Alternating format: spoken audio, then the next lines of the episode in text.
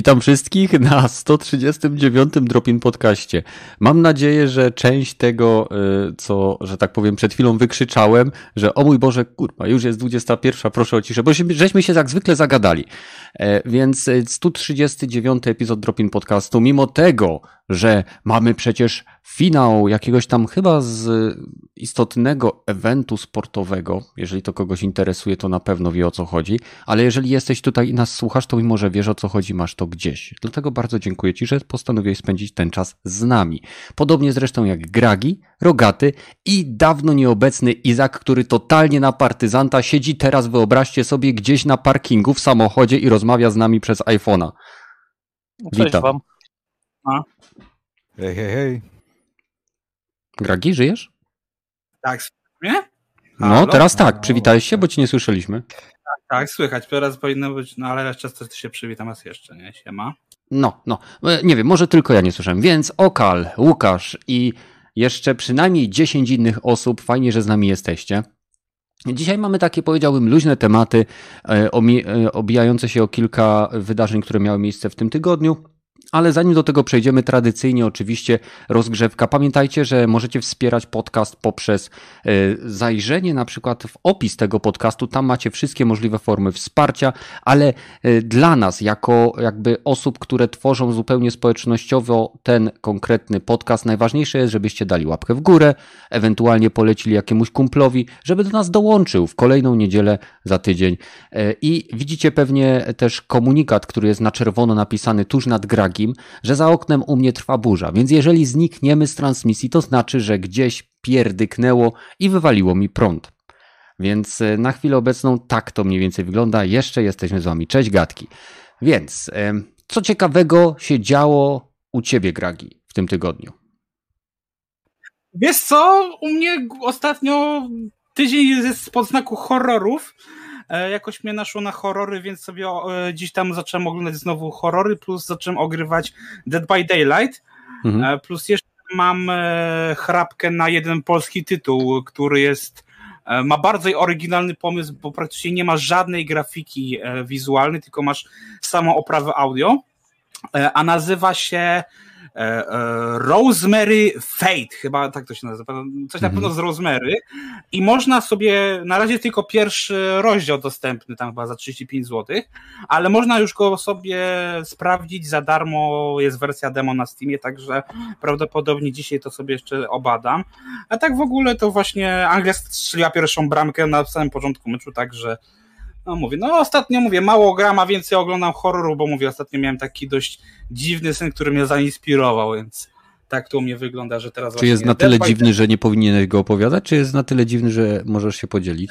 E, e, wiesz co, zależy, bo to jest też powiedzmy, że około gamingowy, dlatego że śniło mi się śniły mi się masowe e, samobójstwa, które były... Jak w The Happening Shalamana, tak? Tak, przy czym wiesz, że, że tam wiesz, właśnie dzieciaki były opętane i właśnie wiesz, zbierały się na jakiś tam e, punkcie, wiesz, tam przez środek miasta przebywały mhm. e, i tam na jakiejś, e, jakiejś górze, coś takiego, ale co mnie rozpierdzielało, to że mm, były opętane przez Devil Gina z Tekena. I takie, what the fuck? Robi się ciekawie, jedziesz dalej, jedziesz dalej. Devil Jean z Tekena opan opanował dziesiątki ludzi. Tak, młodych ludzi, nie? W mhm. tym gdzieś tam e, członka mojej rodziny, gdzieś tam dalszego. I, i wiesz, tak moje początkowo to było, no, no, no to było takie, że chciałem się z tego wybudzić, ale w momencie jak e, zobaczyłem Devil Gina, no to chciałem zobaczyć, co, co było dalej. E, I w tym momencie się akurat sen skończył się obudziłem i takie, what the fuck, w najlepszym momencie. Miałeś nie? fabularny sen po prostu. Tak. Ja... Czekasz na część drugą.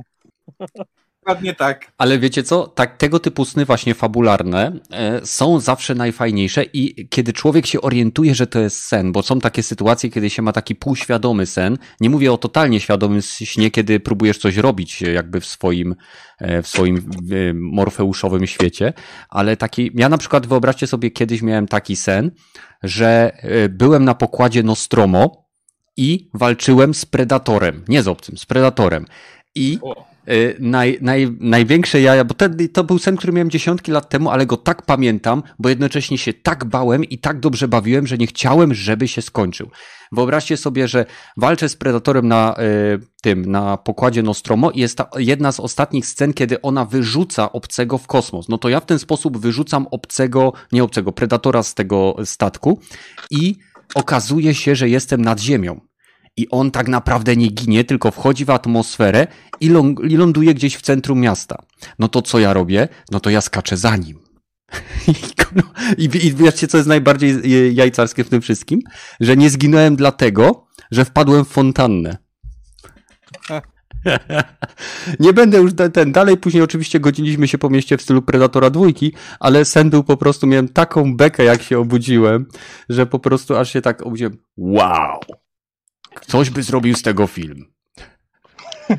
E, Izak, słuchaj, dawno, dawno cię nie było. E, co u ciebie się dzieje? Wiesz co, ja muszę powiedzieć, że pochłonął mnie wir pracoholizmu, natomiast muszę się pochwalić, że w końcu kina tworzyli. Mhm. I w zasadzie każdą wolną chwilę przed robotą, po robocie, to ja siedzę w kinie, oglądając e, całą papkę popkulturową, którą mi serwuje Cinema City dzięki karcie Unlimited. Mhm. Czyli Czarną Wdowę widziałeś? Oczywiście. Jak, jak ci się podoba? Jest to Czarna Wdowa. No Bo są różne opinie, tyle, dlatego się pytam. Y, nie chcę streszać gdzieś tam filmu. Film jest absolutnie utrzymany w klimatach Avengersowych, ale raczej tych słabszych. Mhm. Natomiast fizyka jest jak w Gwiezdnych Wojnach, czyli jej nie ma. No, jeżeli statek, czy tam e, pojazd kosmiczny, który gdzieś tam jest, czy może nie kosmiczny, pojazd latający spada na Ziemię przez 40 czy tam 30 minut filmu, no to i nie może spać, a w końcu jak już e, leci, to leci, wiesz, patrzy tak jak by był spowolniony stukrotnie, no to, to trochę mi się włącza już, no chyba już tego dość trochę. Mhm. no. Nie martw się, no sobie na trzykrotnym na, przyspieszeniu. No, wiesz co, no, na siłę mam wrażenie, jest, y, próbują wyjaśnić wszystko, co się u Nataszy dzieje, jak jej życie wyglądało i tak dalej. To są rzeczy, które E, fajne są, kiedy się można domyślać, ale w momencie, w którym ci ktoś wszystko na oś wytłumacza, wyjaśnia każdy jeden szczegół, no to to już jest mm. przegięcie. To nie jest potrzebny film tak naprawdę w ogóle. Także e, ja jestem osobiście na nie.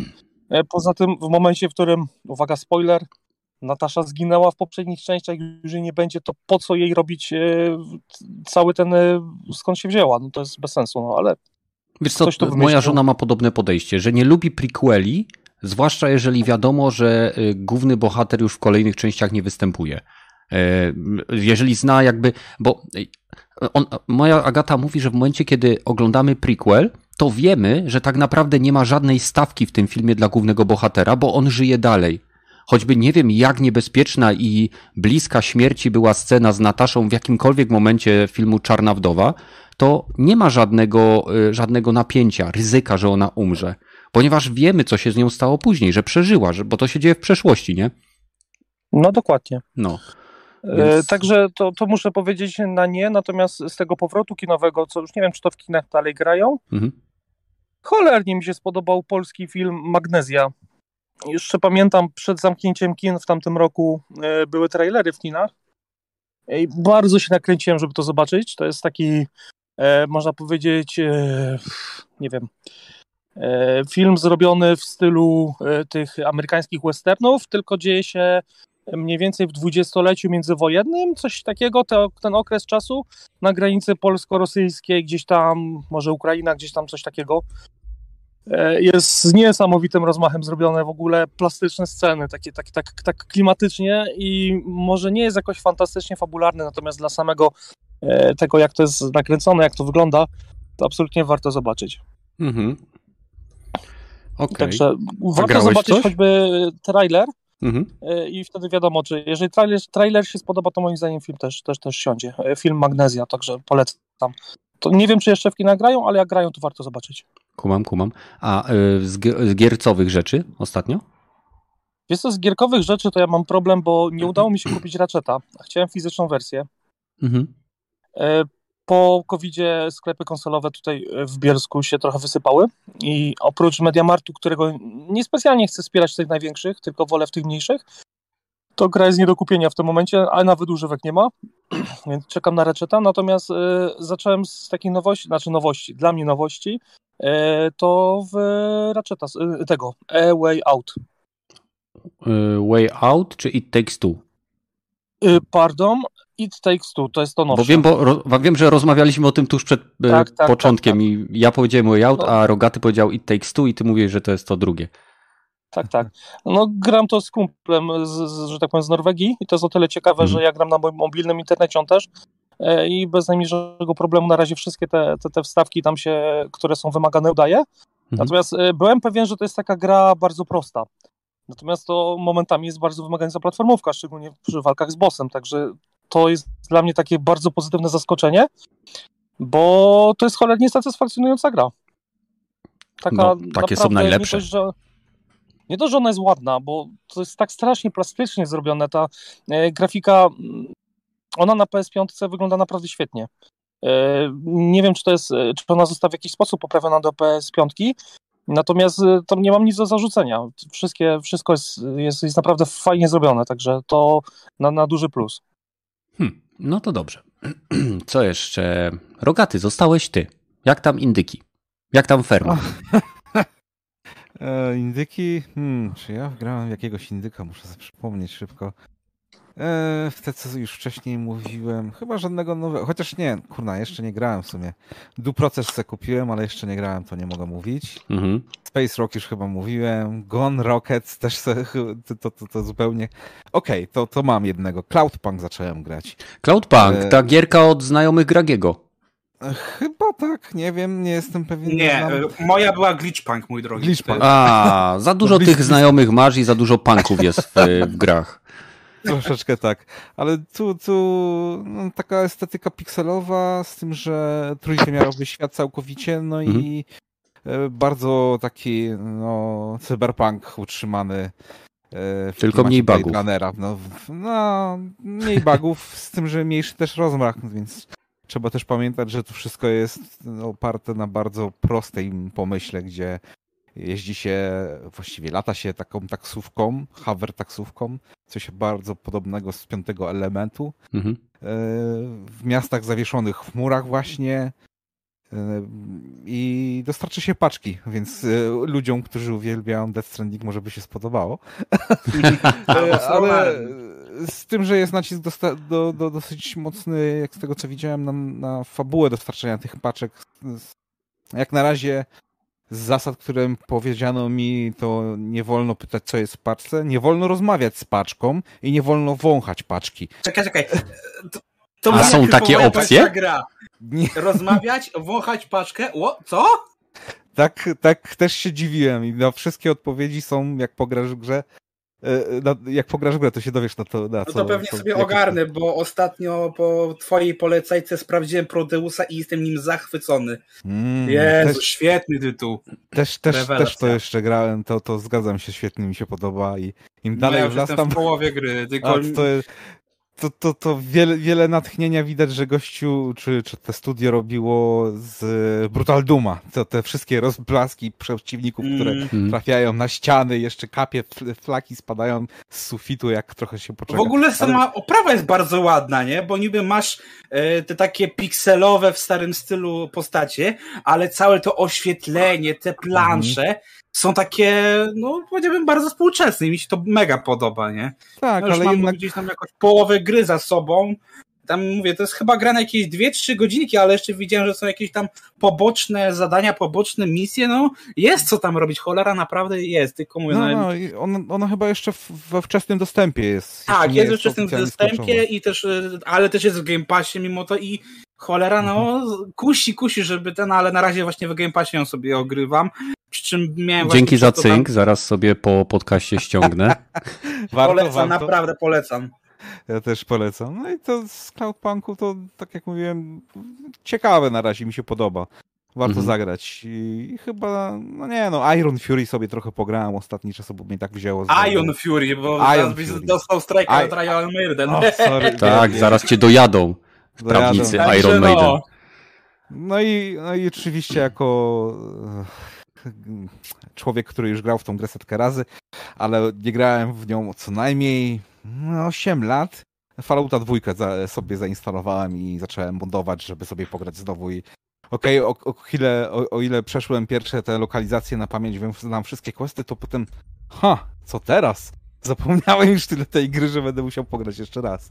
I dobrze, bo mi się na razie e, naprawdę podoba to, to, co oni kiedyś tam robili w tych starych Falloutach.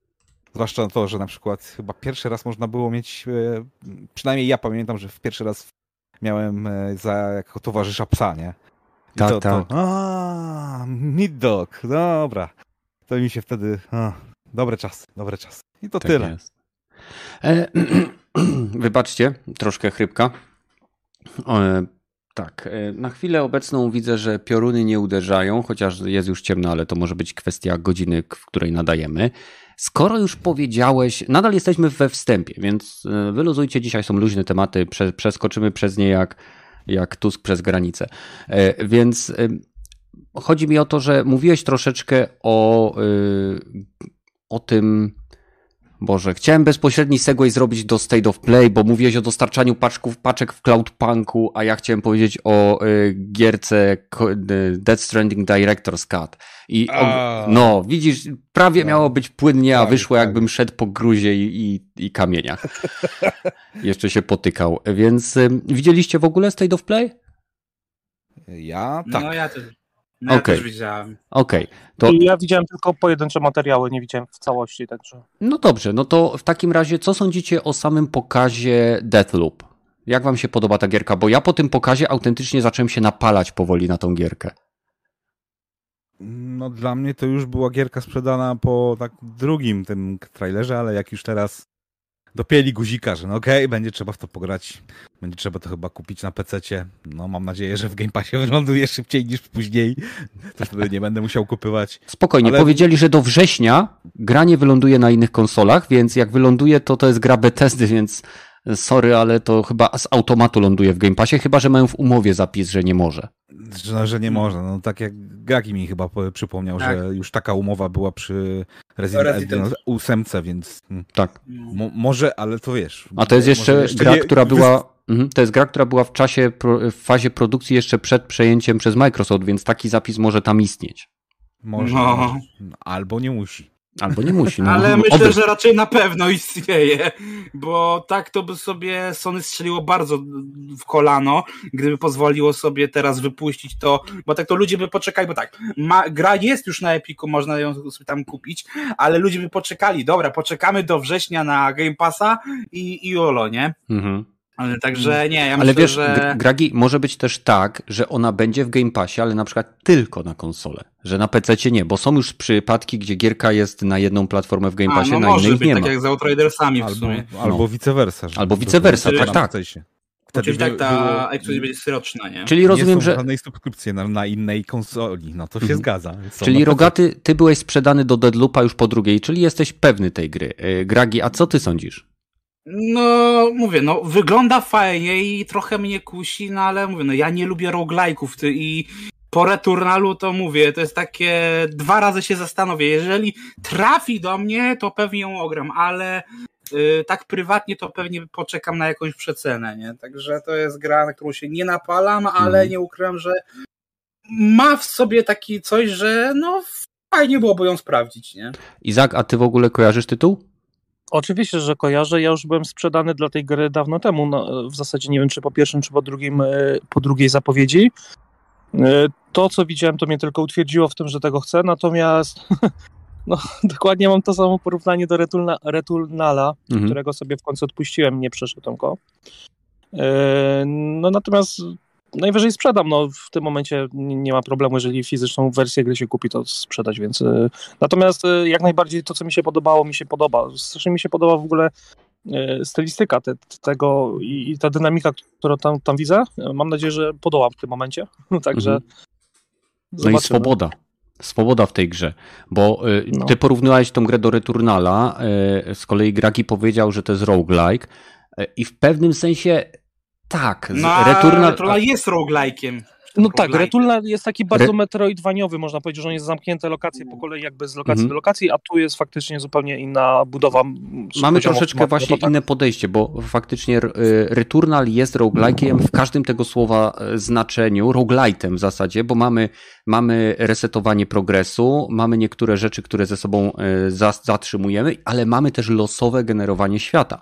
W przypadku e, Deathloop nie mamy losowego generowania świata, świat jest zawsze taki sam, resetując pętlę, wszystko rozgrywa się tak, jak się rozgrywało wcześniej, a tylko my jako gracz możemy się lepiej przygotować do tego, co spotkamy. Przynajmniej ja to tak zrozumiałem, bo tam była e, ciągle powtarzana jakby sytuacja, że e, poznając ten świat, uczysz się zwyczajów, nawyków i jakby harmonogramów tych, nie wiem, ośmiu postaci, które musisz zabić? Mhm, osiem, tak. No. Jeszcze mogę ci mhm. ciekawostkę jedną, którą się dowiedziałem, że no mamy, tak jak właśnie mówię, niby to jest roguelite, ale też właśnie zostaje z nami tam pewna rzecz, y, tam będziemy mieli pewne tam y, można tam... zapłacić za zatrzymanie niektórych elementów wyposażenia za, za pomocą specjalnej waluty, którą tam się zbiera. To e, coś tak, takiego. plus co mnie trochę zaciekawiło, to, że nie każda śmierć musi oznaczać utratę wszystkiego, dlatego że będziesz mógł do jakiegoś stopnia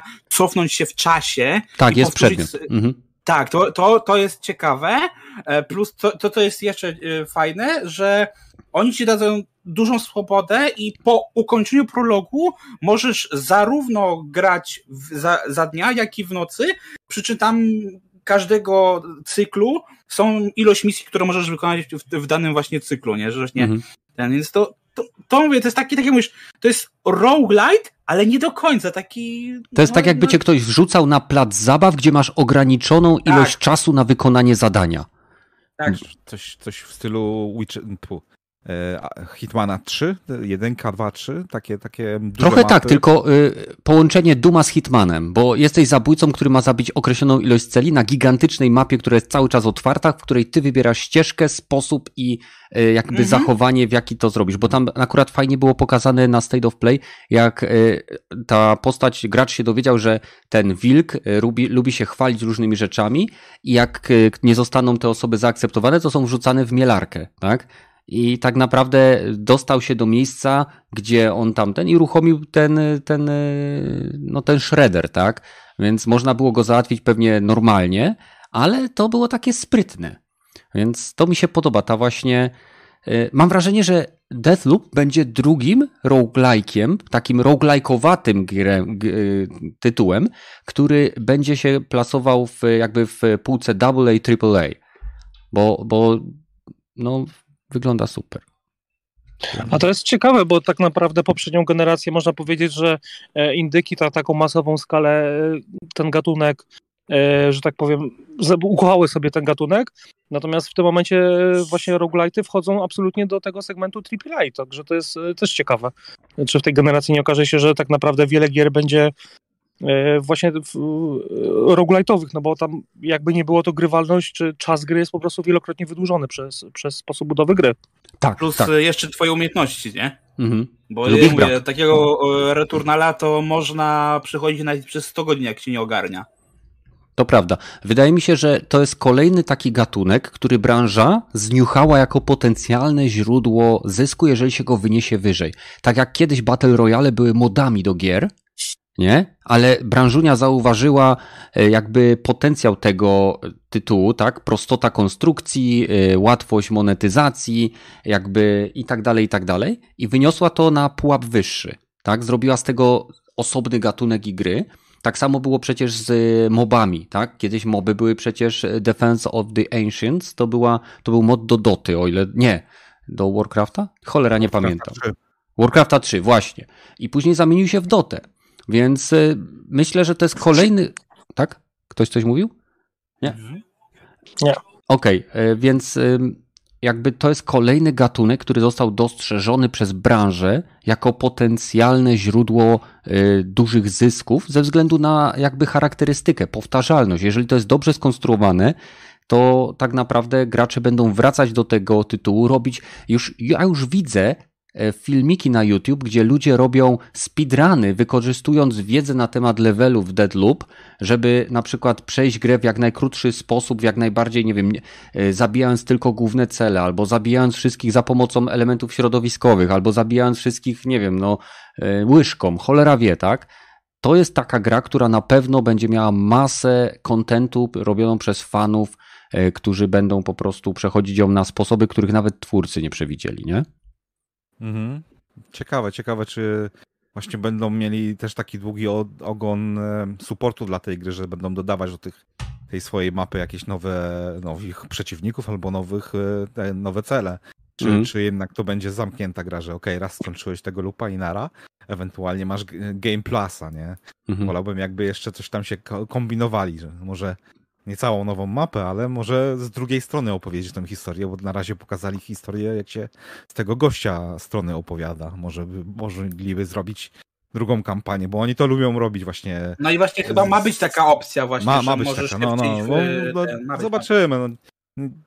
Ale nie będę tego... sobie budował coraz większego hypu do tej gry, bo bądź cool, bądź cool. Mam nadzieję, że coś takiego zrobić, ale nie, na razie się nie hypuję. E, bo na chwilę obecną wiadomo, że będzie można nawiedzać yy sesje innych graczy jako ta, ten jeden z tych adwersarzy.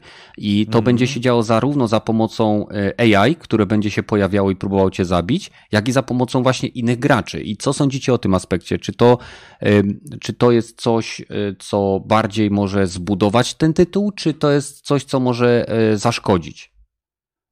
No, technicznie już podobne rzeczy się robiło w Dark Soulsie, i mieli coś takiego kurwa zrobić w Dumie, ale się nie no, udało. No, ale się wycofali z tego, więc... E, więc zobaczymy, czy właśnie tym też Befeście, ale innemu studiu się uda to zrobić, nie? Tylko, mhm. że to musi chyba jednak działać od dnia premiery, no, żeby nie było obsuwy takiej jak w Dumie, a potem nie, nie udało się. Bym był ciekawy, bo są ludzie, którzy uwielbiają griftować też w mhm. Dark Soulsie, ale też są e, ludzie, którzy naprawdę fajnie się z nimi walczy e, jeden na jeden. Że jakby były dobry matchmaking taki, jakby był taki matchmaking, że okej, okay, to wiadomo, że to nie jest AI, ale jest na moim poziomie i mogę z nim walczyć, a nie, że mnie zgnoi od razu. E, jakby to jeszcze gra tak, ty grasz se w kampanię i ten przeciwnik nawet ci, ty miałeś większy procent szans, że ty wygrasz, niż ten, co cię nawiedza, a ewentualnie jak zabicie przez, przez nawiedzanego dawałoby ci jeszcze jedną szansę życia, ale to pożyjemy jak rozwiną tą mechanikę oddawania jednego życia w tej grze. Jak, jakby to dobrze splotli, to, to, to jestem za nawet. Mhm. Jeszcze jakby dało się to wyłączyć zupełnie, bo czasami nie, nie chcę z nikim gadać, chcę sobie pograć, po prostu nie przeszkadzajcie mi. I tak samo by mnie wnerwiało, jakby mnie jakiś dołączał się człowiek, który e, głupie rzeczy by robił, mnie wybijał z rozgrywki, nie? No, czasem po prostu chcesz pograć sobie sam. Um... Czy wiesz, może też być tak, że tak naprawdę AI będzie wykorzystywane do tego, żeby no, trochę przetrzebić graczy, którzy y, po prostu, żeby cię nie trollowali. Mhm. Że będzie na bieżąco śledzić, y, czy ty w jaki sposób grasz, czy to tak naprawdę nie, y, nie wlazłeś komuś do gry, tylko żeby, żeby ten, może to w, w tym kierunku też ewentualnie być tak naprawdę. Albo będzie jakiś system raportowania. No. Hmm. A mm, powiedz, znaczy, powiem, no. powiem tylko jeszcze, sorry, że wchodzę w zdanie w tym momencie, natomiast bardzo mi się podoba ten e, sposób, y, bo to chyba mam, znaczy dla mnie, ja wiem, że to się w Dark Soulsach zaczęło, że można wchodzić komuś do gry, natomiast e, późniejsze na przykład jak Death Stranding wykorzystał to, że e, część świata się dzieje jakby z poziomu innych graczy, to kurczę, strasznie mi się podoba taki patent, że tak naprawdę gram w grę, a jednocześnie gdzieś ktoś zawsze może tam widzę, że na przykład coś się stało przez kogoś, albo ktoś do mnie na przykład przyjdzie, to jest strasznie fajny patent. Grasz e, solo, e, tak... ale nie sam. Dokładnie. Mhm. A skoro już mówimy o Dead Stranding, co sądzicie o tej wersji Director's Cut i tych dodatkach e, czy rozszerzeniach, które tam pokazali? Czy Y, faktycznie jest to coś, co sprawia, że będziecie chcieli wrócić do tego tytułu? Nie, ja bym zadał inne pytanie. Czy to jest coś, za co warto dać 350 zł? Znaczy, z tego co wiem, to update do y, ma być, można kup, będzie można kupić chyba za dyszkę? Za 10 dolarów. Za tak. 10 dolarów, tak. Więc jeżeli pytanie, jeżeli nikt nie, jeżeli ktoś nie grał w Dead Stranding, to czy to jest warte tej ceny? Według mnie nie. E, powinno to być sprzedawane w wersji, w cenie normalnej jako Director's Cut po to, żeby trafić do nowego odbiorcy i tak by zarobili. Mhm. A jeżeli chodzi o upgrade, to ja osobiście bardzo mi się Dead Stranding podoba. Nie wiem, czy to jest to tytuł, do którego chcę wrócić, ponieważ ja już e, jakby skończyłem wątek fabularny i wszystko, co tam mnie interesowało, zostało mi opowiedziane. Chyba, że wątki fabularne w tych dodatkowych elementach będą faktycznie interesujące. To jest co innego. Bo przyznam szczerze, że w Dead Stranding grałem dla fabuły. Gameplay był przyjemny, mega przyjemny, ale tak naprawdę historia była tym elementem, który sprawiał, że gdyby nie było tam fabuły, to nie grałbym w tą grę. Proste. Hmm. A wiesz co, bo z tego, co właśnie mi pokazali na tym, to właśnie z gameplayu dodali parę jakichś mechanik tam. E, takie bardziej dynamiczna walka, lepsze tak. strzelanie, samochody lepsze, lepszej jakości, że będzie, będą bardziej używalne. Mm. Dla mnie to o, to ta gra może już nie będzie taka kurewsko nudna dla mnie, to może sobie ją pogram jednak. To, to jednak mnie tym mogli przekonać. Czyli dla ciebie, no ale to dobrze. To dla ciebie dobrze. Reszta, tak, dla mnie dobrze, ale, ale reszta... Eh, no nie wiem, czy no, właściwie raczej powinien być e, jak darmowy dodatek. Znaczy, ja powiem teraz e, z mojego punktu widzenia, e, ja nie grałem właśnie w Death Stranding, a bardzo chciałem sobie zagrać. Mhm. I ja teraz stanąłem przed, albo kupuję Director's Cut za naprawdę 350 zł, albo kupię sobie starszą wersję tam z PS4 i zupgrade'uję za, za dychę, co mnie wyjdzie taniej. Mhm. No to jest dla mnie w tym momencie absurdalne, bo ta gra nie powinna tyle kosztować na start na nowej generacji, tym bardziej, że to jest stara gra, która naprawdę moim zdaniem nie jest aż, aż tak strasznie dopieczona, w sensie e, Ona i tak świetnie nie, wyglądała na czwórce. Nie, Proszę? Ona i tak świetnie wyglądała na czwórce. No e, tak, no dokładnie. No, 60 klatek było, e, więc teraz tak naprawdę mogą podbić rozdzielczość do 4K, poprawić niektóre tekstury i nadal to jest ten sam tytuł. No. Tylko wiesz, że w momencie, w którym on startował na PS4, tam w cenie, nie wiem, 270 czy 260 zł, w momencie, w którym do niego dodajesz coś i wydajesz go ponownie y, za cenę dużo wyższą, to jest dokładnie to samo, co ostatnio zrobili z, z Director's Cut. No, uważam to za takie nieuczciwe podejście do klienta. No, ja wiem, że może czasy się zmieniły, inflacja i tak dalej, ale y, to nie uzasadnia... Zobacz, co się dzieje dzisiaj z FIFA. Oj, to tam już w ogóle jest masakra. Czegoś nie wiem? No. no, dzisiaj pokazali nową FIFA i pokazali cenę, pokazali, że update, który był w tym roku darmowy dla wszystkich posiadaczy gry, czyli mogłeś mieć nawet wersję standardową, ale i tak dostałeś upgrade, tak teraz będzie y, tylko w wersji Ultimate, która została wyceniona na 450 zł. No dobrze, niech nikt nie kupuje tego gówna. No. no. Znaczy na Switcha na pewno będzie wersja tańsza Legacy No bo tam to wiadomo, tam nic się nie zmienia. Tam to jest jawnie no. mówione, że to jest kopiuj wklej z poprzednich edycji. Czy, czy, bo chciałbym teraz w zasadzie już przejść do naszych głównych tematów. Czy z State of Play były jeszcze jakieś tytuły, które zwróciły Waszą uwagę? No bo wiadomo, no, że. U mnie na pewno Fist Shadow e, in the Fist Torture, nie wiem jak to nazywa, ale to z tym ja jestem bardzo. Tak, i ja jestem tym, e, tym zajarany. No, Sifu to wiadomo, ale to tam on wyjdzie w przyszłym roku, więc tam do tego Fist czasu też wszystko chyba. zapomnią. Nie, Fizz wychodzi we wrześniu i już jest preorder za 119 zł, jeżeli masz e, plusa, mhm. a jeżeli nie masz plusa, to 125 zł. I no nie ukrywam, że trochę mnie korci, no ale ja jestem za to będzie w tak niskiej cenie? Te, tak, ten królik będzie za 119 zł, jeżeli masz plusa, 125, jeżeli nie masz plusa. Także, czy nie, sorry, 112, jeżeli nie masz plusa. Także mówię, no, jest to, mówię, cena bardzo kusząca. Bardzo atrakcyjna, no.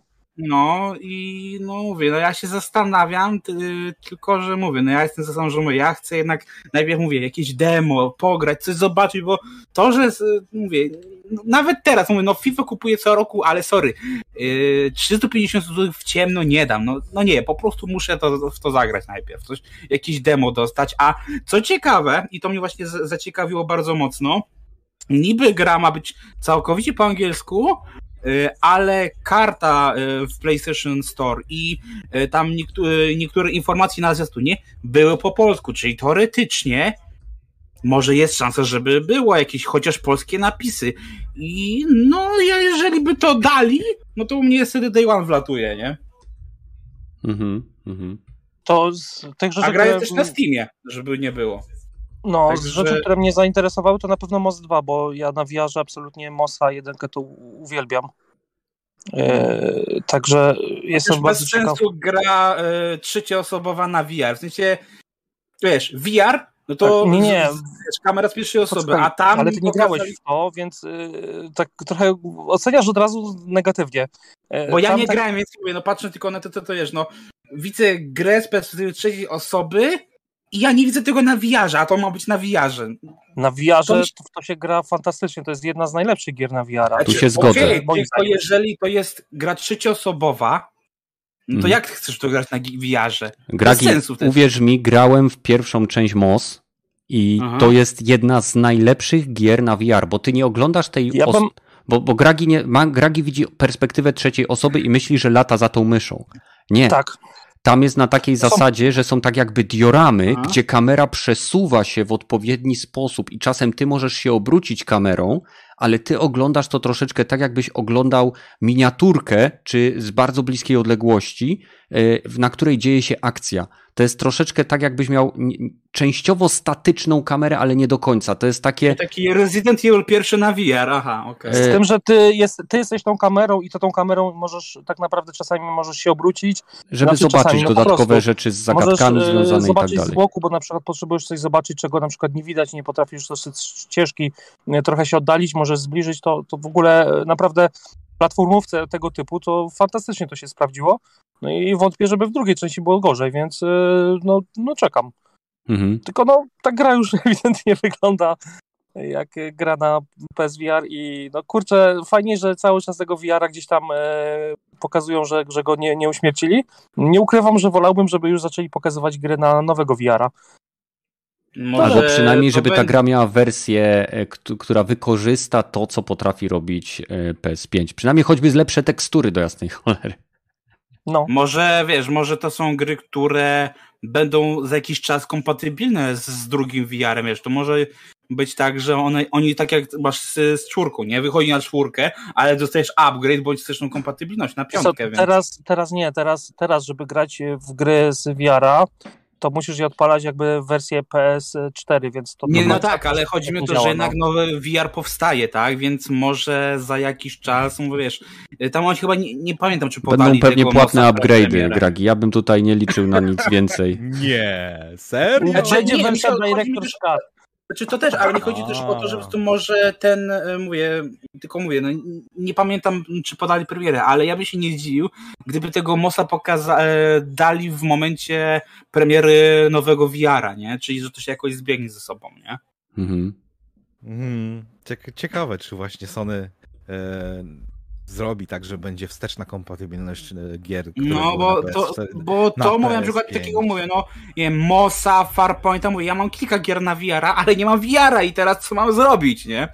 Kupić VR-a. Ale nie, ja mam kilka gier VR na PS-a, nie? No to Czyli... kupi VR-a. No więc zaraz, no właśnie, tylko teraz mówię, pytanie, czy kupować VR-a, czy czekać na dwójkę, nie? No. Bo wiesz, jeżeli szybciej wyjdzie dwójka, to już wolę dołożyć te tam parę stówek do, do, tego, do tej dwójki, nie? Mhm. Tylko teraz pytanie, czy wtedy będzie kompatybilny z tymi poprzednimi tytułami. Ja bym bardzo tego chciał.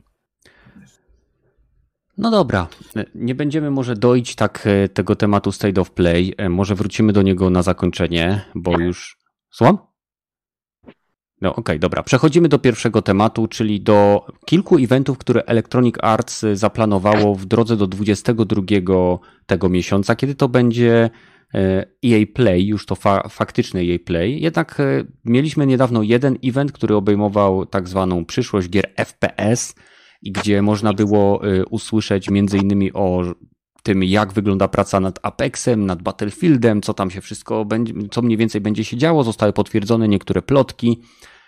Jeżeli mieliście możliwość obejrzenia tego materiału, czy jakieś informacje na temat e, procesu tworzenia, czy samych gier zwróciły Waszą uwagę? Czy podkręciły Wasz hype? Czy to było na takiej zasadzie, że jej tak naprawdę, yy, tak naprawdę, nie wiem, próbuje nie zniknąć z radaru, czekając na swój wielki event? Oj, raczej bym poszedł w tym drugim kierunku, bo jak to oglądałem, to większość tych informacji tak jednym uchem wpadała, a drugim uchem wypadała. Dosłownie. Tak, coś tam mówili, mówili o tym developingu Apexa, że na początku nie, prze, nie przewidzieli tego, że będą potrzebowali robić content co chwilę, tak samo jak Fortnite i e, czas, czas ich bardzo gonił na to i mhm. ciśnienie na wydawania kolejnych DLC, a tu nie mamy jak, albo nie wiemy jak za bardzo, ale co jakoś poradzili w ciągu tych dwóch lat potem. Co do znowu e, Battlefielda, to też za bardzo mało informacji takich konkretnych. Może mi się to umknęło, ale e, no naprawdę, co do Battlefielda, to oprócz to, jakie momenty Battlefieldowe, to, to no wiemy, na, ja, moje ulubione, że tam na skrzydłach latali, albo że jakieś mm. inne eksplozje, czy coś takie typowe dziwne rzeczy w Battlefieldzie, ale chyba to mi tylko przypadło. Tam jedyny kontr taki tak po, chyba podali, to właśnie było tam, że tworzenie nowych map do BF-a, tego nowego, zajmuje im od 12 do 15 miesięcy. Tak, tak. To no i co, co o tym sądzicie? What the fuck? Biorąc pod uwagę, że wiesz, okej, okay, ja się nie dziwię, że w takim układzie dostajemy 7 map na start, plus jeszcze do, mówisz, nie, wyszło, że spoza, wiesz, plotka była, e, która pokazała, jakie mapy będą w tym e, trybie liście miłosnym do BF-a, nie? I to jest, jest bardziej już i konkretniejsze i ciekawsze, bo tam jest, że będzie Arika Harbor, że będzie Metro, Locker, Caspian Border i Shanghai. No i tu mamy, mamy tak, 7 map nowych, totalnie nowych mm. i 6 odrestaurowanych. No to 13 map na premierę BFA to byłby bardzo, ale to bardzo dobry deal. Tylko jeżeli oni robią to, powiedzieli, że robią każdą mapę rok przynajmniej, a no grę no ja... robią dopiero 3 lata. No ale właśnie. chciałbym zaznaczyć, ale po, przepraszam, bo ja mam, ja mam wrażenie, nie, nie, nie, no. poczekajcie, bo muszę wam przerwać, bo jakby zakładacie, że oni pracują na zasadzie robimy cały czas jedną mapę, kończymy, zaczynamy drugą. Przecież te wszystkie nie, nie, mapy są tworzone symultanicznie. Chodzi... przez pięć studiów. To, że... Tak, tak, to, to, to, to jest jedno i mi się wydaje, że oni też po prostu w ten sposób chcieli po prostu zatizować, że część tych map, które oni gdzieś tam, właśnie mówię, do, do tego trybu, coś tam, to mi się nie zdziwię, jak powiedzą, że to nie będzie na premierę, tylko będzie za powiedzmy pół roku, bo e, powiedzmy, mówię, no na studio powiedzmy niech będzie dwie mapy e, na jedno studio, nie? No, Robione. To, to będzie to... live service game. O tym też właśnie mówili przy Apexie, jak wam się udało z, e, robić tą live service. No to jakoś się udało i od razu do Battlefielda, a wy wkraczacie teraz właśnie w taki live service game e, z nowym Battlefieldem. No w sumie tak. Mhm. No podobno mają się uczyć, mają robić rzeczy, które e, nauczyli się robiąc Apexa. W ogóle co ciekawe, wyszła kilka, no to chyba z dwie czy trzy godziny temu wyszła informacja, że nad pierwszym Tiny Time czy tam drugim, obecnie pracuje jedna czy dwie osoby. Także trochę słabo, nie? Bo, że teraz no ale czego się spodziewałeś, jak te, tak te, nie ma tych gier?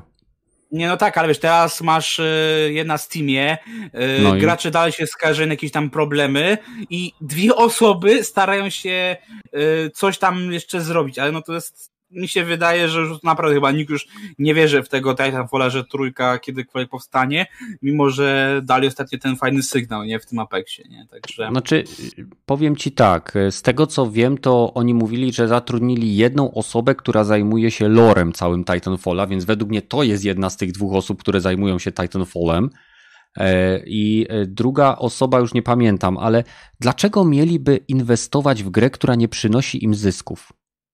Bo to by mi bardzo e, e, opinię poprawiło w świecie graczy, którzy to jest, aktywnie to grają jest EA. To, to jest firma, to, która ma najgorszą opinię. Dobra, no właśnie, właśnie, właśnie o to chodzi.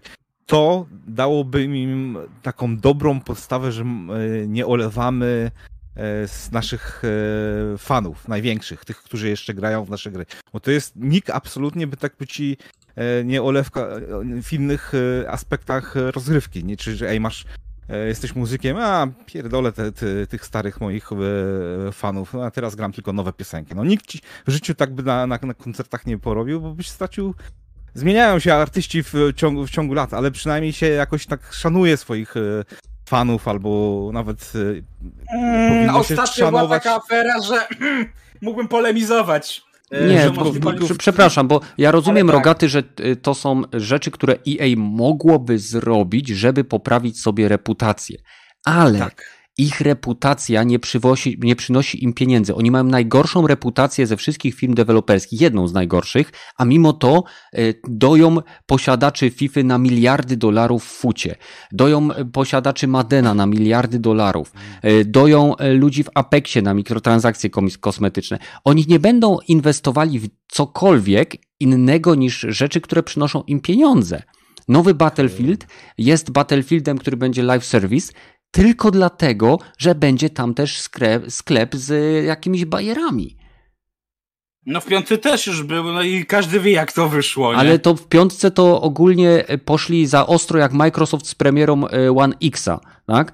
W piątce chcieli nagle zmienić całą definicję Battlefielda, oderw, odciąć się od tego, co było kiedyś i zrobić drugą wojnę światową z kobietami, z protezami, z gościami, którzy z kataną biegają po wschodnim froncie i innych takich, czy zachodnim froncie y, i tak dalej.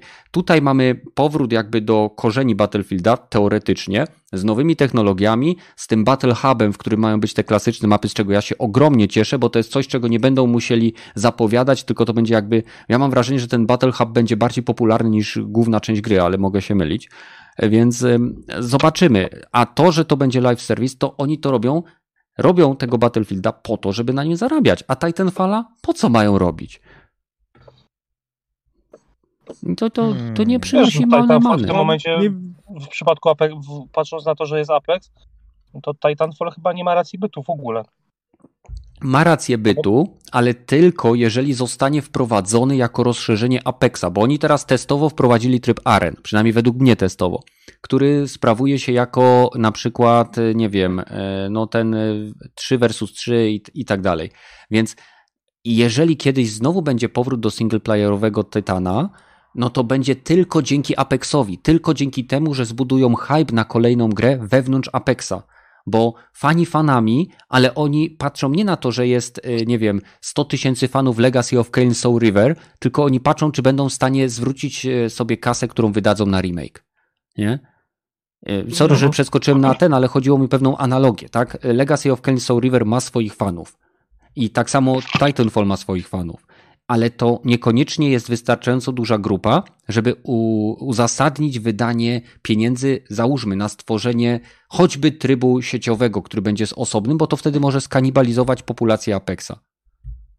Dobra, z tym się może zgodzę, że ta inwestycja na nowe, ten kontynuowanie IP albo e, rozwijanie obecnego jest takie rzeczywiście no, za dużo wymagam, zgadzam się, ale minimum, czego wymagam, to jest utrzymywanie obecnego stanu takiego e, grywalnego, żeby gra była, hej, sprzedałem ci grę, to ja bym chciał w nią nic jeszcze grać po dziś dziennie. A nie, że no, minęło tyle czasu, mamy cię, mamy wyjebane to na to, że kupiłeś tą grę, dałeś swoje pieniądze, kupiłeś DLC, czy tam kupiłeś sobie kolekcjonerkę, to wyjebane. No i co, pograłeś sobie i to wszystko. Już, już już nie możemy więcej na tobie zarobić, mamy cię w dupie. No to, to brak zaufania u mnie jest tak wtedy do takiej firmy absolutny, że nigdy nie kupię waszej gry, bo nie wiem, czy, czy nie okaże się. Nawet złudzenia mi nie dajecie tego, że, czy, czy nie okaże się, że mnie porzucicie wsparcie do tej gry. I radzę sam potem. A w, w dzisiejszych czasach nie ma, nie ma możliwości nawet grania sobie samemu, no bo gra jest na częściowo musisz się logować do ich serweru. Jak się nie da logować do ich serweru, no to, no, to już sobie nie pograsz w tą grę hmm. porzucaniu. Tak jakby, no, kiedy, co z tego, że kuźwa nakręciliśmy, nie wiem, Terminatora 2, a teraz macie Terminatora 6. Nie oglądajcie już Terminatora 2. To jest lepszym filmem. I, Ale to, to jest medium razy. pasywne. No, nie można porównywać True. gier, które są interaktywne do medium pasywnego, bo raz nakręcony film, o ile George Lucas go nie przemieli przez swoje e, wyobrażenia 50 razy, to nadal będzie tym samym filmem, tak? Do, zgadzam się, tylko że szanuję o wiele bardziej firmy, które właśnie dbają o te takie swoje tytuły. Ja to, to nawet resztki szacunku do Blizzardu mi zostały, dlatego że oni nawet chyba dwa, dwa albo trzy lata temu wypuścili patcha do Diablo 2, bo tak. coś tam znaleźli, jakąś lukę czy coś w tym stylu i no dobra, naprawiamy. Nie będziemy ludzi ten ryzykować, że ludzie będą mieli włama przez to albo coś w tym stylu, to mhm. o to mhm. chodziło. Tak samo ID Software robiło nawet przed jeszcze Bethesdą i teraz po przejęciu przez Bethesdę, nawet przejęciu przez Microsoft, nadal dają wsparcie do, do, do swoich starych tytułów. Kuźwa, nie wiem, Doom chyba dostał support dla 4K i 16 na 9 czy tam 21 na 9 różnych rozdzielczości e, mhm. i e, nadal wspierają swoje tytuły. Ba, nawet dodają darmowe jakby całe epizody, bo ludzie, którzy na przykład e, wybierają jakieś najlepsze mapy z, ze społeczności albo wykupują na prawa do, do dodatków, które ktoś inny zrobił i i sprzedają, właściwie nie, nie sprzedają tego nawet, tylko dodają to jako mod y, do możliwości dania grania, więc tak, i to jest, tak, że to, to jest całym tylko... z całą pewnością jest to godne jakby pewnego rodzaju szacunku do dewelopera za to, że, że wspiera swój tytuł, że stoi przy nim przez te wszystkie lata, no, no, ale, no, ale, oboje to... wiemy, że to jest promil tego, co się dzieje y, w świecie. Tak? Ale tu z czystym sumieniem, jakby ktoś na przykład, y, są ludzie, którzy lubią sobie pograć w różne gierki, o, okej, okay, mam widzę o, jakaś promka na, nie wiem, na tego Duma oryginalnego albo mm -hmm. Duma 64, no, za grosze mogę sobie kupić i sobie mogę w nią pograć od teraz -hmm. i nadal ta gra jest grywalna i, i, nie mam żadnych z nią problemów, no to wrażenie jest o wiele lepsze takie niż no, kupiłem sobie grę, która była na promkie od EA. Kurwa, nawet nie mogę w nią grać. Zgadza Wszystkie się, ale... gry takie są. Zobacz, I tutaj właśnie... mówiłeś o Blizzardzie, tak? E, Activision Blizzard. I teraz z jednej strony są gry, przy których Blizzard stoi tak? Przy, który, które wspiera przez lata. Ale są też gry, które porzuca. Weź przykład na przykład, z, yy, przykład na przykład. Chodzi mi o, o Heroes of the Storm. Był cały, yy, cała społeczność esportowa została z miesiąca na miesiąc porzucona yy, i y, całe zespoły i wszystko zostało olane i zostawione, bo dla nich to nie było opłacalne. Mm. I mamy tu pewien kontrast. Z jednej strony firma stoi przy rzeczach, które prawdopodobnie wymagają wysiłku, ale nie na tyle, żeby to było dla nich obciążeniem finansowym. A y, mamy też y, z tej samej firmy grę, która z kolei ma odcinany pewien dopływ zasobów, promocji i jakby no, samego zainteresowania ze strony dewelopera, bo okazuje się, że koszty generowane przez wspieranie tego tytułu są o wiele większe, bo nad takim Diablo może na przykład siedzieć, nie wiem, 15-20 osób, które na przykład jak się coś pojawi, są przekierowywane, żeby ok, zajmijcie się tym. Wątpię, żeby było, żeby był gdzieś tam e, w, w piwnicach siedziby Blizzarda taki, wiesz, pokoi, gdzie pisze deweloperzy Diablo i on jest na kłódkę otwierany i tam im jedzenie dają i tylko róbcie dalej. To pewnie jest na zasadzie, wiesz, słuchajcie, to nie będzie wymagało tego, mamy społeczność, mamy fanów, zbliża się kolejne, jakby podtrzymujmy miłość tych fanów do naszej gry, ponieważ wiemy, że wyjdą kolejne. A, mm. a, a są sytuacje jak właśnie Heroes of the Storm, gdzie okej, okay, nara, więc no. są pewne wyjątki potwierdzające regułę. Tak? Mówię tutaj akurat od Heroes of the Storm, które jest wyjątkiem porzucenia potwierdzającym regułę wsparcia. E, więc, więc to też nie jest tak, jakby, że to jest uniwersalne zachowanie całej, całej akurat firmy we wszystkich jej aspektach. Hmm. No. E, dobra, jeżeli chodzi o samą przyszłość FPS-ów, jedno z rzeczy, która na przykład mnie właśnie zaskoczyła, to ten proces tworzenia tej mapy. Jak myślicie, czy sam, e, sam proces tworzenia mapy trwa tak długo ze względu na ilość testów, które oni wykonują, na ilość wersji tej mapy, która powstaje, czy e, są jakieś inne aspekty? No bo wiemy na przykład, że w Battlefieldzie 2042 e, te mapy, które będą przy nie, jakby przeniesione ze starszych ty tytułów również będą przystosowane do tego, co się dzieje w Battlefieldzie, tym najnowszym, tak? Czyli będą na 128 graczy, będą te elementy pogodowe prawdopodobnie na nie wprowadzone, być może będzie można je wyłączyć ze względu na to, żeby grać bardziej legacy e, i, i tak dalej, nie? Więc e, czy myślicie, że to wynika jakby z tego, że oni tak bardzo się przykładają do tych map? Czy e, są jakieś, czy fakt, że to trwa tyle dlatego, że tworzą je na przykład 10 map jednocześnie i tak naprawdę tworzą je 15 miesięcy, ale gdyby robili jedną, to by ją robili trzy.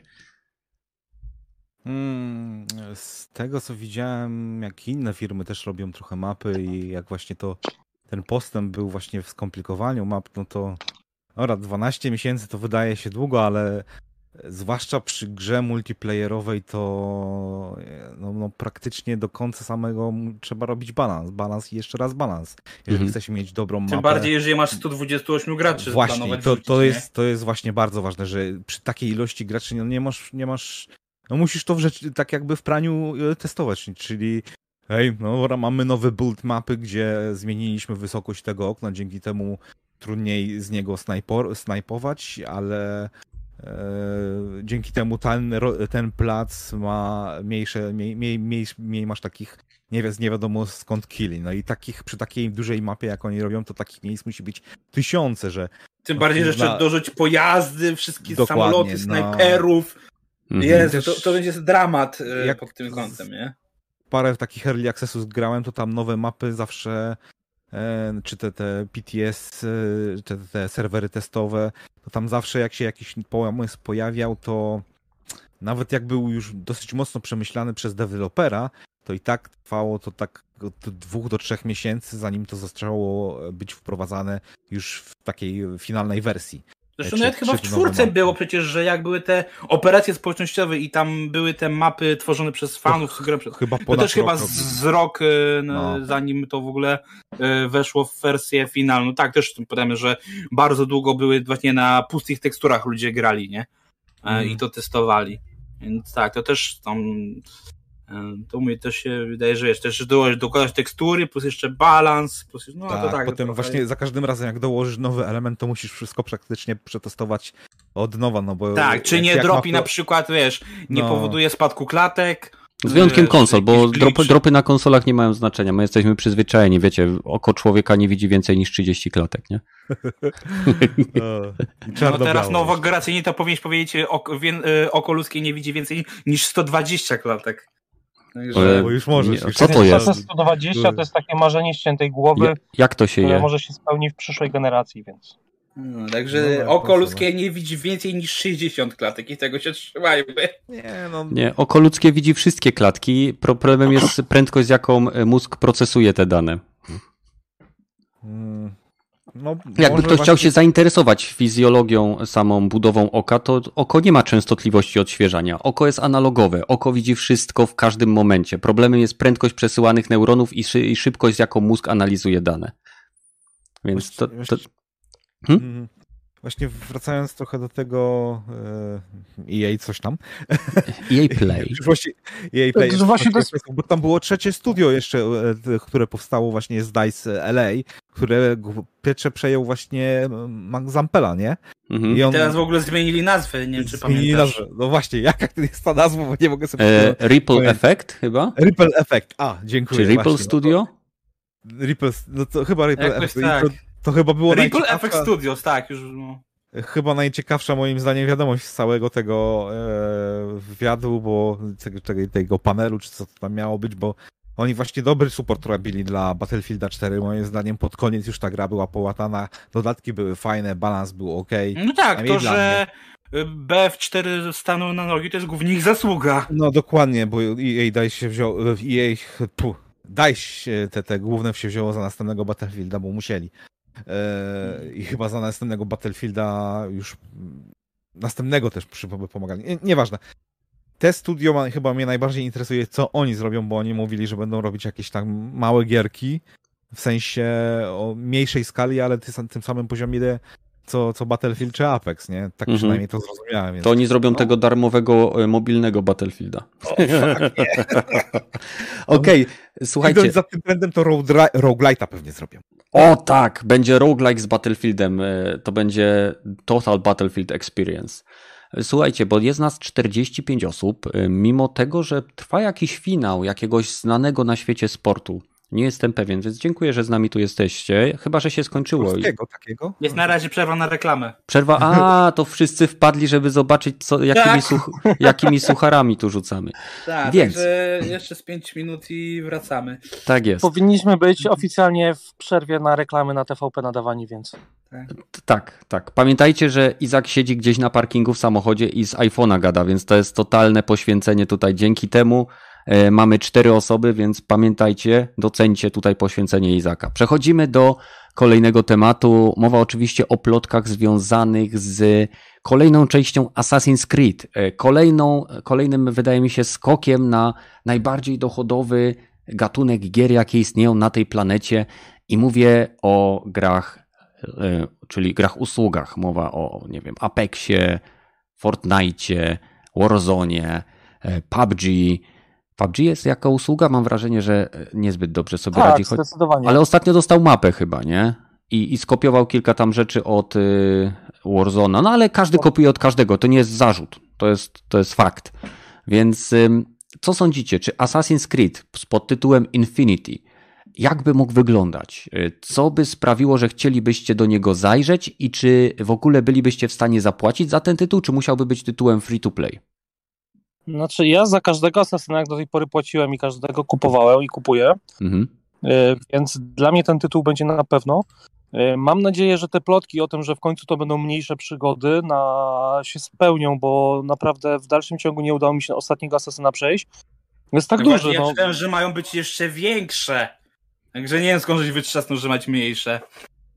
Większe hmm. mapy, mniejsze historie. Czyli na jednej jakby, tak. tak ja zrozumiałem to, może źle, źle coś wyczytałem, że jakby mm, historie, czy jakby wątki fabularne mają być mniejsze, ale nie wiem, czy to ma być w formie e, znowu jakiś live e, service, czy w jakiejś formie DLC-ków, abonamentów, e, czy może to, że świat się będzie zmieniał, bo tak naprawdę tak, to, pewnie będzie tak jak... zapowiedziane, ale tak naprawdę jeszcze nie wiadomo co. No bo premiera ma, ma być yy, najwcześniej za 3 lata, także. Więc po, to jest dobra sobie. informacja, bo spokojnie można będzie przejść za, w ostatniego asasyna. E, Okej, okay, ale daje też e, jedną rzecz, bo zacz. E, ostatnia ta przerwa w asasynie było, że teraz co dwa lata będą wychodzić. Czyli teraz wychodzi no to, że teraz przez 3 lata nie dostaniemy żadnego nowego asasyna, albo Valhalla będzie mocno rozwijana. E, no, to jest w porządku, słuchaj, to jest naprawdę dobre. Zobacz, że wcześniej przerwa, która tam trwała chyba też 3 lata, ona dobrze zrobiła tej serii. W tym momencie były wyszły trzy, trzy gry, które są bardzo podobne do siebie. I znowu robimy przerwę, co zdecydowanie podniesie moim zdaniem. No tak, jeszcze mam w międzyczasie wyjść mobilny Assassin, także już w ogóle. Yy, chyba, że go będą chcieli zintegrować z tym Infinity. To już w ogóle byłoby ciekawie. Yy, ale tak to no. Hmm. Ja jestem ciekaw, no bo tak naprawdę ja mam wrażenie, że to, bo tam chyba pierwsze plotki od Schreiera coś tam wyszły bodajże. Dobrze, dobrze pamiętam? Tak, tak, od Schreiera, tak, on to zaczął chyba. No, a potem się wiem, że deweloperzy ustosunkowali, że to będzie całkowita zmiana. No ja naprawdę mam, na, mam nadzieję, że wiesz, to się stanie coś e, no, no, nie chcę płacić jakiegoś abonamentu za grę, chociaż obawiam się, że mogą w tym kierunku gdzieś tam pójść. No to może być Natomiast... MMO, nie? Takie to pełne gębą, nie? No dokładnie, no. Natomiast ma być to duża rewolucja, no ja jestem absolutnie ciekaw, jestem zainteresowany, bo wydaje mi się, że kolejna, kolejny Assassin w takim stylu jak jest teraz, no chyba już by się po prostu Już byłby męczący, tak, okay. już jest tego za dużo. To mam teraz pytanie do was i do czatu. Jaką grę ze stajni Ubi można by wykorzystać jako template pod nowego asasyna, bo bądźmy szczerzy, w chwili obecnej nie widzę tytułu, który mógłby się zostać wpasowany w pewną. Bo Ubisoft robi podobne do siebie gry. Jesteśmy, to chyba tu się zgadzamy. Otwarte światy tak. Ubisoftu to są e, lekko zmienione reskiny systemów, które oni mają w wielu swoich grach. Czy to będą FPS-y, czy to będą gry z trzeciej osoby. Są pewne pe elementy podobne. I teraz e, jedna rzecz. Y, czy uważacie, że na, taka nagła zmiana może wyjść grze na dobre, biorąc pod uwagę poprzednie tytuły?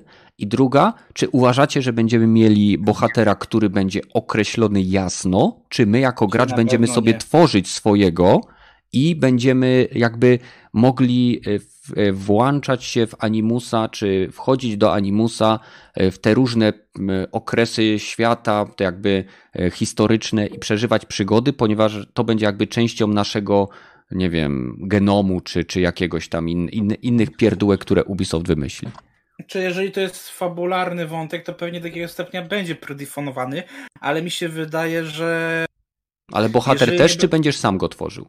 Znaczy, no, mi się wydaje, że do jakiegoś stopnia będzie pewnie miał określone imię, będzie miał e, voice acting, ale to, będzie tak jak z tą Kassandrą i Aleksiosem, nie? Że będziesz mógł sobie mhm. wybrać e, płeć i ją sobie modyfikować, ale wiesz, e, głosy, coś tam, linie będą do, jakiegoś tam stopnia, będzie to już defaultowo narzucone, nie? Mi się wydaje, że tutaj będzie to po prostu tak, tak roz, to zrobione, że po prostu mówię, no Yubi będzie chciało zrobić z tego po prostu mówię, coś na zasadzie, no tak jak mówią blotki, że coś na zasadzie Fortnite czy GTA Online, czyli duży świat, który się regularnie co jakiś czas zmienia. E, plus ja na przykład, y, ja gdzieś tam oczywiście mam taką nadzieję, że jeżeli faktycznie oni chcieliby rzucać nas różne epoki, to że po prostu zrezygnują już totalnie z tego wątku współczesności, e, tylko całkowicie się skupimy na tych e, e, erach historycznych. Mhm. No ale Bo... słuchaj, jeżeli na przykład byłoby tak, że będziesz sobie mógł wybrać, lubisz wątek współczesny, grasz tylko współczesny i on będzie rozbudowany i sensowny, no to czemu nie? No, no tak, ale mówię, to będzie raczej, mi się wydaje, że to będzie raczej mówię, takie MMO pełną gębą, tak? Takie jak Yy, takie MMORPG, takie jak właśnie będzie na przykład ten Hogwarts Legacy, nie? który ma być w przyszłym roku, że to tylko, że to jest dla pierwszego gracza, ale to też jest, tworzysz całkowicie yy, od podstaw sobie własnego czarodzieja, ale oczywiście kwestie, coś tam, no to będzie miał e, predefiniowane, nie?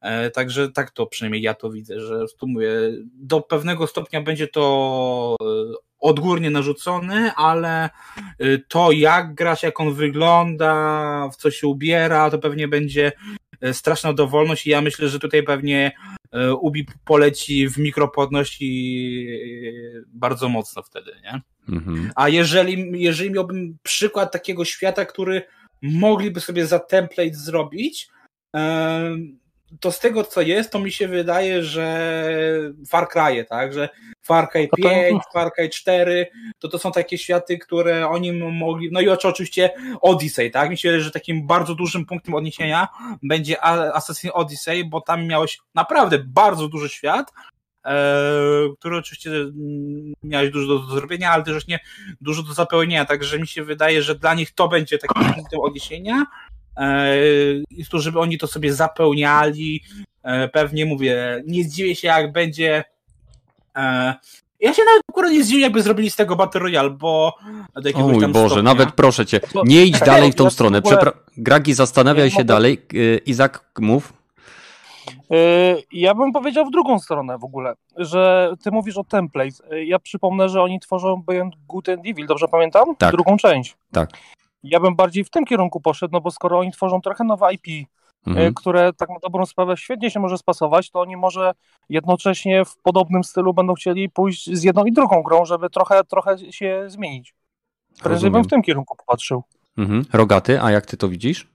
O, znając Ubisoft, to będzie logujesz się do Animusa, wybierasz sobie okres i się logujesz e, do, do prawdziwej gry i potem sobie biegasz po jakichś właśnie ładnych mapach, które są no, no jedyne co mi przychodzi to... Skopiowane no, z poprzednich części. Tak, skopiowane z poprzednich e, części. Ender Scroll Online. Aha. Aha, byłem, już grałem w tym miejscu, ale wygląda zupełnie inaczej. I też, jeżeli to by miało być MMO, to, to uu, jakoś no technicznie jest miejsce na rynku, ale może... świat może też i rzeczywiście tam najdłużej można robić właśnie gry, jeżeli oni mówią, jeżeli to się potwierdzi, że to Infinite ma być, no to okej. Okay. Czy no na jeżeli... razie to potwierdzili, że to kodowa nazwa na razie, nie? Hmm. Czyli taka robocza.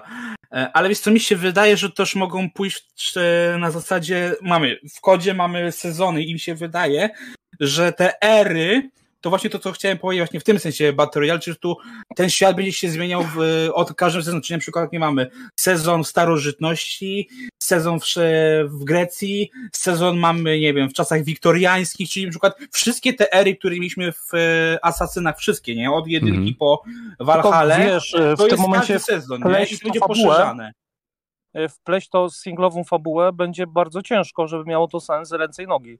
Dlatego hmm. mi się wydaje, że oni mogą bardziej pójść w, w stronę tak jak mamy z Kodem czy Overwatchem, czyli po prostu e, cutscenki, opisowy lore, ale nic poza tym, tak? nie widzę większej w tym fabuły, skoro to ma być multiplayer raczej nastawiony. To mówię, mi się Czyli wydaje, że to takie... po prostu będzie, mapa się zmieniała, będą się pojawiały nowe kropki, które będziesz tak. sobie po prostu wchodził w grę, e, sprawdzał, co się na mapie pojawiło, czyścił mapę i ja... włączał za tam miesiąc, półtora i znowu. Mhm. Ja, ja bym tak to widział, nie? Że właśnie po tym kątem taki Battle Royale, tak jak mamy z Fortnite'em, że ten cały świat cały czas się zmienia, cały czas coś się tam dzieje. Eee, I to miałoby bardzo duży sens, moim zdaniem, wtedy. No to ja wam powiem, jak ja sobie to wyobrażam. E, każdy z graczy, e, logując się do Assassin's Creed Infinity, będzie mógł stworzyć sobie swoją postać. E, jego postać będzie pracownikiem Abstergo i będą Załóżmy, przykładowo, będziemy po prostu mogli poruszać się po takim hubie, którym będzie ten budynek korporacji, gdzie będziemy mogli spotkać innych graczy.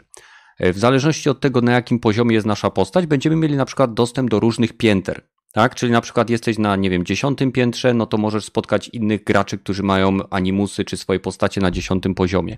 I na przykład na tym poziomie masz dostęp do, nie wiem, do starożytności, do tego, tamtego, sramtego. I teraz wybierasz sobie ziomków tam na swoim piętrze i idziecie na misję kooperacyjną. Kooperacyjną misję, w której będziecie mogli wejść do gry i po prostu wykonać określone zadanie, czy to będzie zabójstwo, czy to będzie odnalezienie przedmiotu, czy zebranie określonych ilości danych. I w tym momencie będziecie levelowali swoją postać, swojego przodka i zdobywali wyższy poziom w samej korporacji, bo y, nie widzę jakby, jeżeli oni chcą żonglować światami, zakładam, że będą chcieli, no bo Infinity, tak, nieskończoność, to muszą mieć jakiś sposób, żeby w rozsądny sposób przerzucać gracza między tymi e, jakby, jakby projektami. A Abstergo pracowało właśnie nad wieloma projektami związanymi z e, badaniem e, pamięci genetycznej człowieka i to by wtedy pasowało do jakby samej narracji gry, całego loru i Wiadomo, że pewnie byłyby później jakieś klany do, do tego wprowadzone. I w tym momencie, jeżeli to byłby tytuł, załóżmy, e, płatny, tak? Normalnie płatny i później by były na zasadzie darmowych aktualizacji season passów, na przykład, nie wiem, e, impreza na czwartym piętrze i wtedy każdy może iść i coś zrobić. No nie wiem, rozumiecie, tak już teraz troszkę e, wymyślam, ale w tym kontekście, jaki opisałem, dla mnie to ma sens. Jeżeli oni wymyślą coś lepszego, super, ale według mnie mają solidną podstawę e, z, z tych wszystkich poprzednich gier do momentu, aż się faktycznie zaczęli zupełnie odłączać od tego świata realnego. Czyli tak na dobrą sprawę rezygnujemy z singlowej gry, tworzymy MMORPG po prostu. Kolejna. Bardziej coś jak Warframe. Czyli e, gierkę, mhm. w której masz kooperacyjną e, rozgrywkę w instancjach świata, do którego wchodzisz. I wtedy zawsze mogłaby, mogłaby ci się wczytywać zawsze Grecja, ale tą Grecję możesz naszpikować pierdylionem zadań, które będą na przykład dostępne w ramach jakiegoś społecznościowego eventu. Na przykład, nie wiem, ukradnij ileś ton złota, e, zbierz ileś, nie wiem, jedwabiu z jedwabnego szlaku, załatw tylu kapitanów, uwolnij e, czy wyzwól tyle regionów. I w tym momencie byłaby to, byłoby połączenie kooperacyjnej gry z asymetrycznym multiplayerem w stylu Dead Stranding, jednocześnie Aha. z e, jakby takimi elementami, które gracze mogliby wzajemnie sobie podsyłać na zasadzie, nie wiem, no, teraz to już naprawdę idę totalnie z czubka mojej głowy, ale na przykład będą mogliby sobie, e, nie wiem, stawiać jakieś konstrukcje, podsyłać kasę, bo mam wrażenie, że Ubisoft wielokrotnie współpracując z Kojimą podejrzał pewne rzeczy i dlaczego, dlaczego nie mieliby skorzystać z tego, skoro oni tak Ubisoft naprawdę... Ubisoft i Kojima? Co? What? Co? No, nie wiesz? Tak pierwsze słyszę. Przecież można było grać, yy, można było mieć strój yy, Ezio, nie Ezio, Altaira w metalu trójce, czy czwórce, przepraszam. A, to nie wiedziałem, bo ja nie, nie gram w metala, ale tak serio mnie to zdziwiło. Yy, ale jeszcze chciałem... I nie tylko, masę jest rzeczy, nawet w Watch Dogsach miałeś tribut do PT, yy, miałeś no masę rzeczy, naprawdę. Okej, okay, dobra, spoko. A ten, yy, chciałem zapytać, bo nie wiem, czy nie wyobrażasz sobie, bo mówię, przecież już w Assassinie kiedyś był multik, tak?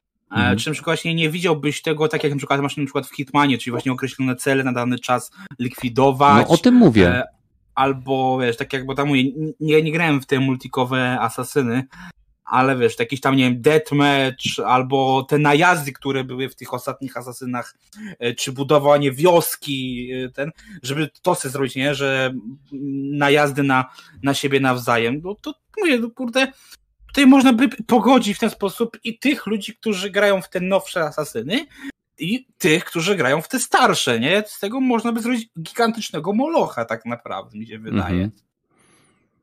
E, Bo mówię, jakieś tam doświadczenie w tym multiku Assassinów oni mają, tylko fakt, tak. że już minęło hmm. tyle lat, że to trzeba by trochę pewnie odświeżyć, no, zmienić. Nie? Musimy tu jednak pamiętać, że Ubisoft to robi wszystko na jak najmniejszym wysiłkiem tak. i no, jakby nawet udało im się połączyć, to tak by 20 e, flag dzisiaj zbieramy. A, zajebiście. O, super.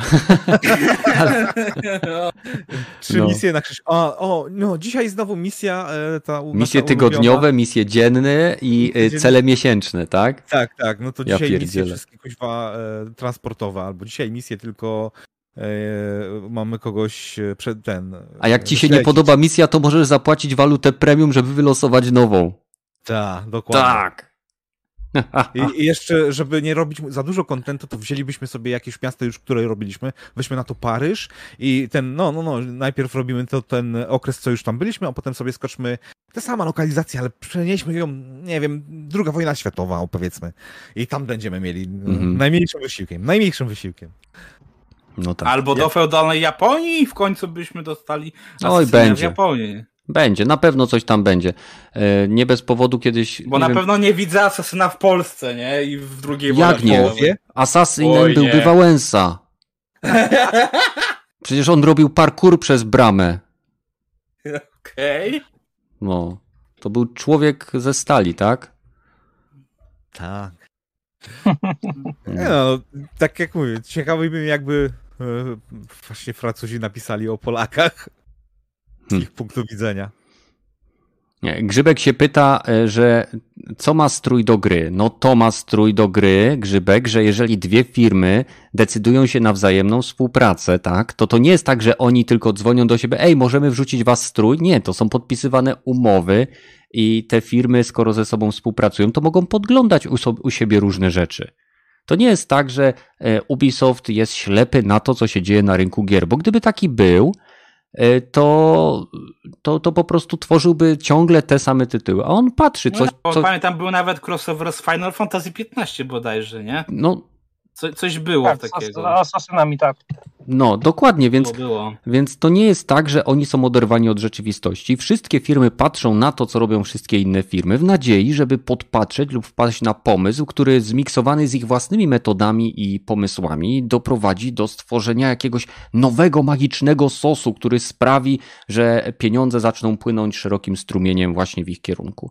Więc, więc y, dlatego właśnie mówię o tym, że jako, że wielokrotnie współpracowali z Kojimą lub obserwowali jego pracę, i na pewno byli pod wrażeniem sukcesu Death Stranding, który w, swoim, w swoich podstawowych założeniach jest grą prostą jak cep, a mimo to się sprzedała, więc nawet z tego co pamiętam w, w Assassin's Creed Valhalla nawet jest specjalny side quest, gdzie główny bohater y, na, na czas tej misji zamienia się w kuriera i dostarcza właśnie. To coś było, tak, tak, rzeczy. tak, tak, była, tak, był taki, o, tak, było mignięcie w Valhalla tak, było, było.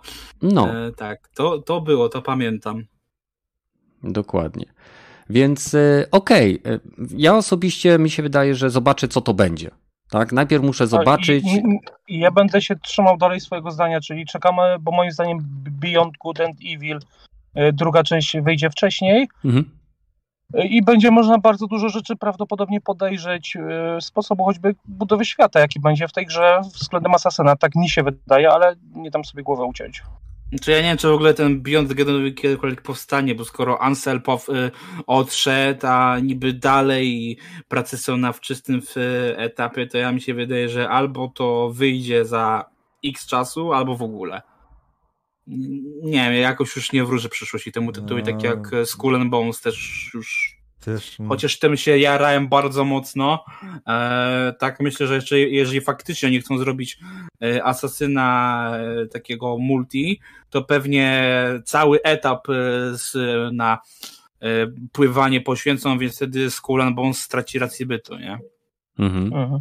Tylko wiesz, no w tym momencie nawet tak e, lepiej będzie im tak czy siak, jeżeli chcą dużą zmianę w grze zrobić, wypróbować to na jakiejś innej marce niż Asasyna od razu wpieprzać. No to w sumie tak, to wtedy Skull Bones byłby świetnym poletkiem, nie? O ile to w ogóle powstanie za te rok czy dwa. No. Mhm, mhm. Dobra, e, przechodzimy do kolejnego tematu. Mam nadzieję, że Ubisoft e, jednak pod, podbije troszeczkę poprzeczkę jakości swoich tytułów. Zresztą e, ładnych parę miesięcy temu, chyba jeszcze przed pandemią, po ostatnich, po pierwszych recenzjach, które dotyczyły Ghost Recon Wildlands czy Breakpoint, stwierdzili, że przesuwają ileś swoich tytułów i cofają ich premiery po to, aby podnieść ich jakość. Więc myślę, że spokojnie my jako gracze ich z tego rozliczymy. A teraz przechodzimy do eventu, który miał miejsce wczoraj? Nie pamiętam już. Ale... Z 9 na 10, czyli technicznie przedwczoraj. No okej. Okay. E, mowa oczywiście o Witcherconie, czyli pierwszym e, konwencie, tym e, niestety internetowym, związanym z fandomem Witchera, Wiedźmina. Zarówno chodziło tutaj o serial, jak i o grę.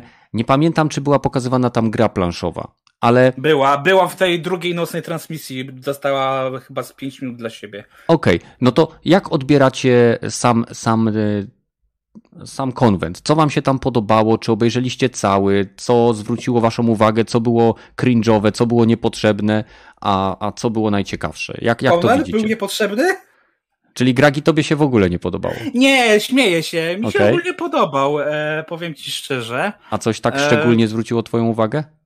Czy w pierwszej, no to na pewno data premiery, no to, to tego się nie dało nie zauważyć. Tak, plakat był, tak. Dokładnie. To, to, poza tym mówię, jeszcze nowy aktor, e, który wygląda właśnie jak taki Eivor z Valhalla albo innej gry o tron, także no świetnie, świetnie.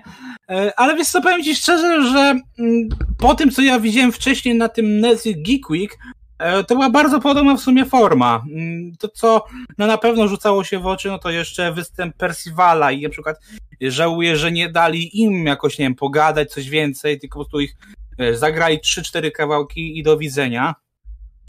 Eee, wiesz, fa fajny był pomysł z tym quizem na sprawdzenie gdzieś tam tej wiedzy, e, bo faktycznie, wiesz, to, że każdy gdzieś tam aktor przyjął tę rolę, spoko, ale czy no to możesz coś więcej powiedzieć, bo ja tego nie oglądałem, a słyszę quiz i nie wiem, o czym mówisz do, do końca. E, bo był e, panel, gdzie aktorzy, bo tak naprawdę większość panelu opierała się na tych aktorach, tak? Tam e, temu grom poświęcili naprawdę niewiele.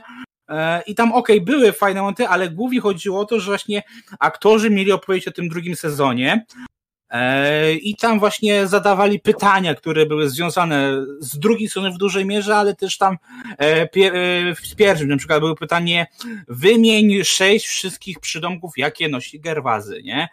No i tam wiesz, niektórzy wiedzieli, ale potem się zaczęły jakieś tam schodki, nie? Jak na przykład po prostu The White One, nie? No nie, no faktycznie, kto, kto by na to przypuszczał, że tak można wołać po prostu ten siwy czy ten biały, nie? No tak więc y, i tak naprawdę druga y, transmisja była praktycznie tym samym, przy czym właśnie były tam różnice, że właśnie dostał cały gdzieś tam swój panel dział komiksów, gdzie tam zapowiedzieli nowe komiksy, no i pokazali też właśnie tę grę planszową, nie? Ale tak to, a i też w drugiej, to co mi się właśnie w drugiej e, transmisji bardzo podobało, to że mniej więcej, chociaż tam też nic nowego nie pokazali aż tak bardzo, bo to można się w wielu innych grach spotkać, że pokazywali, jak mniej więcej te misje są ułożone, tak? Że jak piszesz te y, y, misje, masz te mnóstwo wybór, to tam było pokazane, nie? Że jak zrobisz to, to nie wiem, pokaże się y, Yennefer, jak zrobisz to, to pokaże się Tris. Było fajnie to pokazane, między jak oni nad tym pracują, mhm.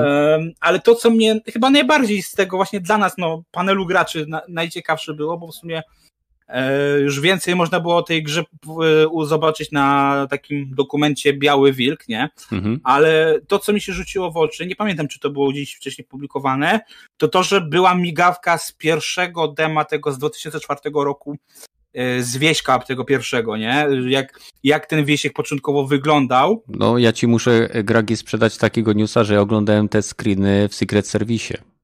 Nie, ale wiesz, to te screeny Czytałem. w Secret Service e, to był inny Bill w ogóle, to była jeszcze inna gra tego Metropolis, tak? A mówi o tym wieśku, który już robił nie, CD. CD nie? Projektu. CD Projektu to było. Bo, to były pierwsze CD, informacje właśnie... o tym, że e, CD Projekt pracuje właśnie nad e, Wiedźminem i były screeny.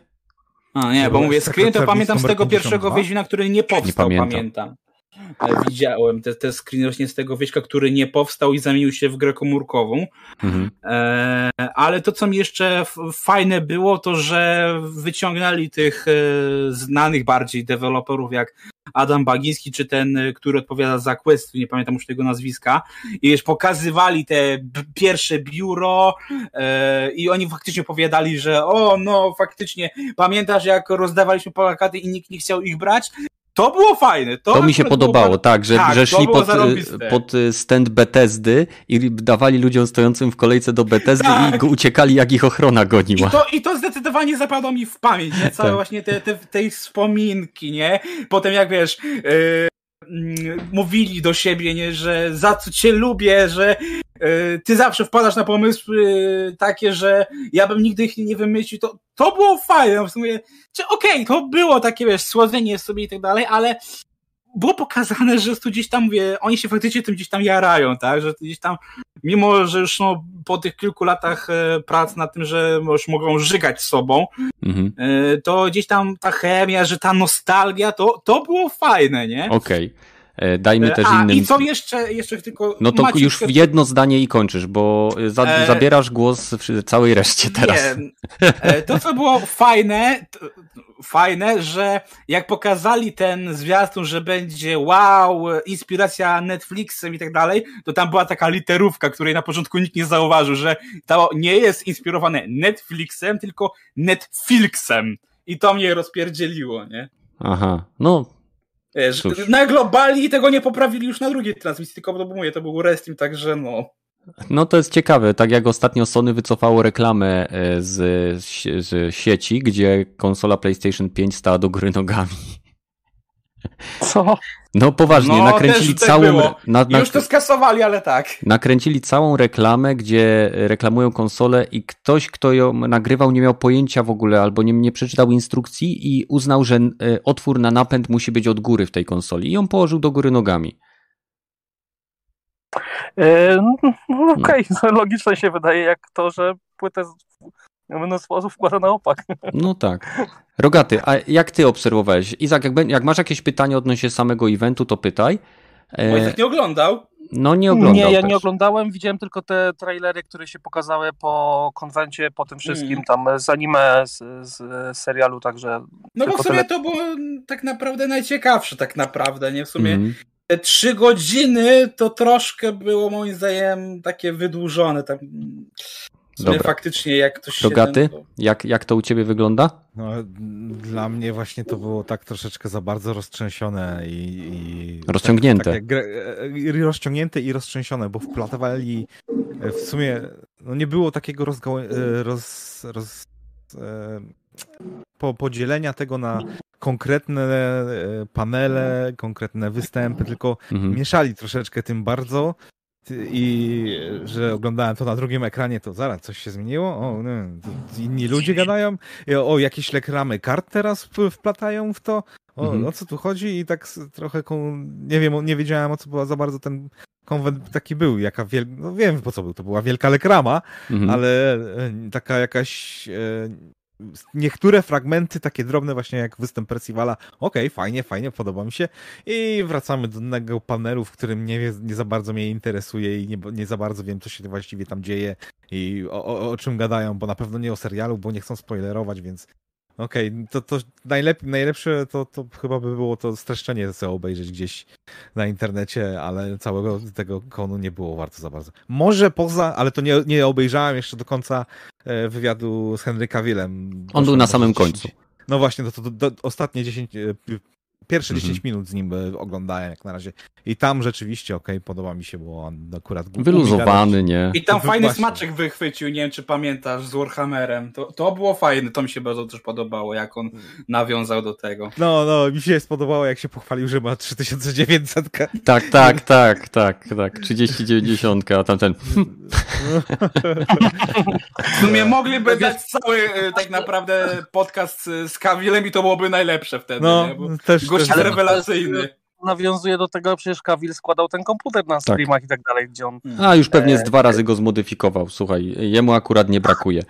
E, wiecie co, ja jakby oglądając ten materiał, bo moja żona jest dosyć dużą fanką Wiedźmina, przeszła podstawkę, wszystkie, wszystkie jakby dodatki, ma komiks, przeczytała wszystkie opowiadania lub przesłuchała je na, e, na jakiejś usłudze takiej, gdzie może są podcasty, nie pamiętam, tam są słuchowiska, a nie, a nie audiobooki.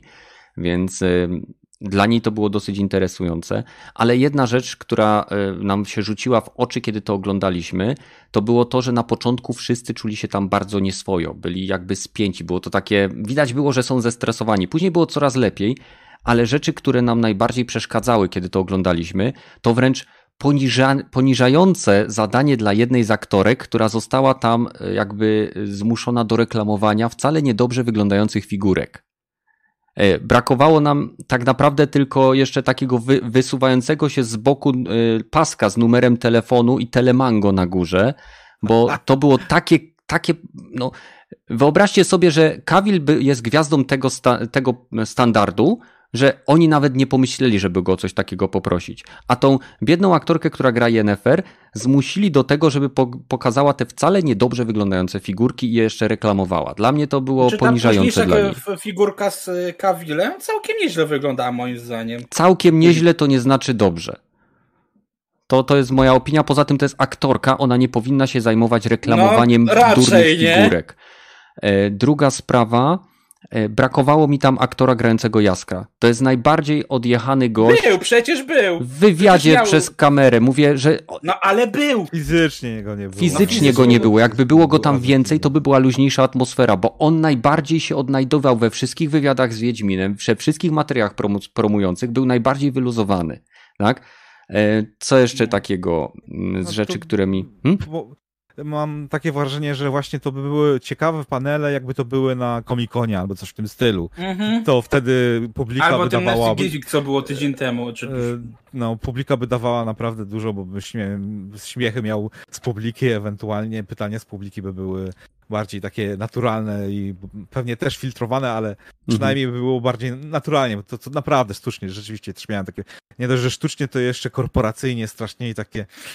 Tak, trzy, dwójpół godzinna reklama po prostu no, no momentami no, tak dokładnie. No, no, no. I te, te quizy, które były, mam wrażenie, że one zostały tam wprowadzone, bo ktoś powiedział, na konwentach zawsze są quizy tak? Ale zazwyczaj te quizy są rzucane na przykład do widowni na panelu i jakaś jest nagroda, że na przykład, nie wiem, na, jak był panel Firefly gdzieś tam na Comiconie, to y, ktoś się spytał, na jakiej planecie coś tam, coś tam z czapką Jane i y, w momencie, kiedy ktoś odpowiedział, mógł dostać replikę tej czapki, nie?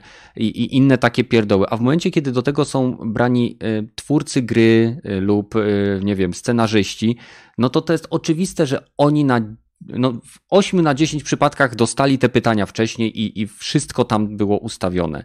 E, dla mnie.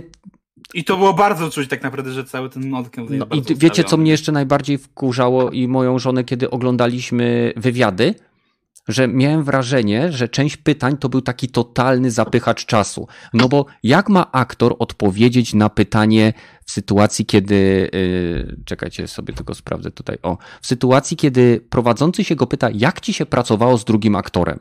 O ile to nie jest gwiazda pokroju, nie wiem, Marka Hamila, yy, czy Garego Oldmana, czy yy, naprawdę tych aktorów wręcz legendarnych, to taki aktor nie może powiedzieć nic innego, że to jest fenomenalna osoba, fantastyczny człowiek, niesamowicie utalentowany i wiele się od niego nauczyłem i ciągle się śmialiśmy. To są pytania, które są marnowaniem czasu widza i zapychaczem, bo wystarczy spojrzeć na to, co się działo przykładowo w Star Trek Discovery, gdzie sam serial był promowany całą serią programów i wywiadów, gdzie ci aktorzy też chwalili się, byli normalnie, jakby mogli, to by sobie e, pośladki rozszerzyli i normalnie weszli tam bez żadnego, że tak powiem, smarowania, a później się okazało, że za kulisami były problemy, były jakieś tam nieznaski między tymi aktorami, więc tego typu pytania to jest po prostu marnowanie czasu tego aktora, który tam jest, marnowanie czasu widza, bo to nic nie wnosi i to było dla mnie absolutnie bez sensu. No. To powiem ci tak, jak chcesz zobaczyć, jak się tego nie powinno robić, to sobie obejrzyj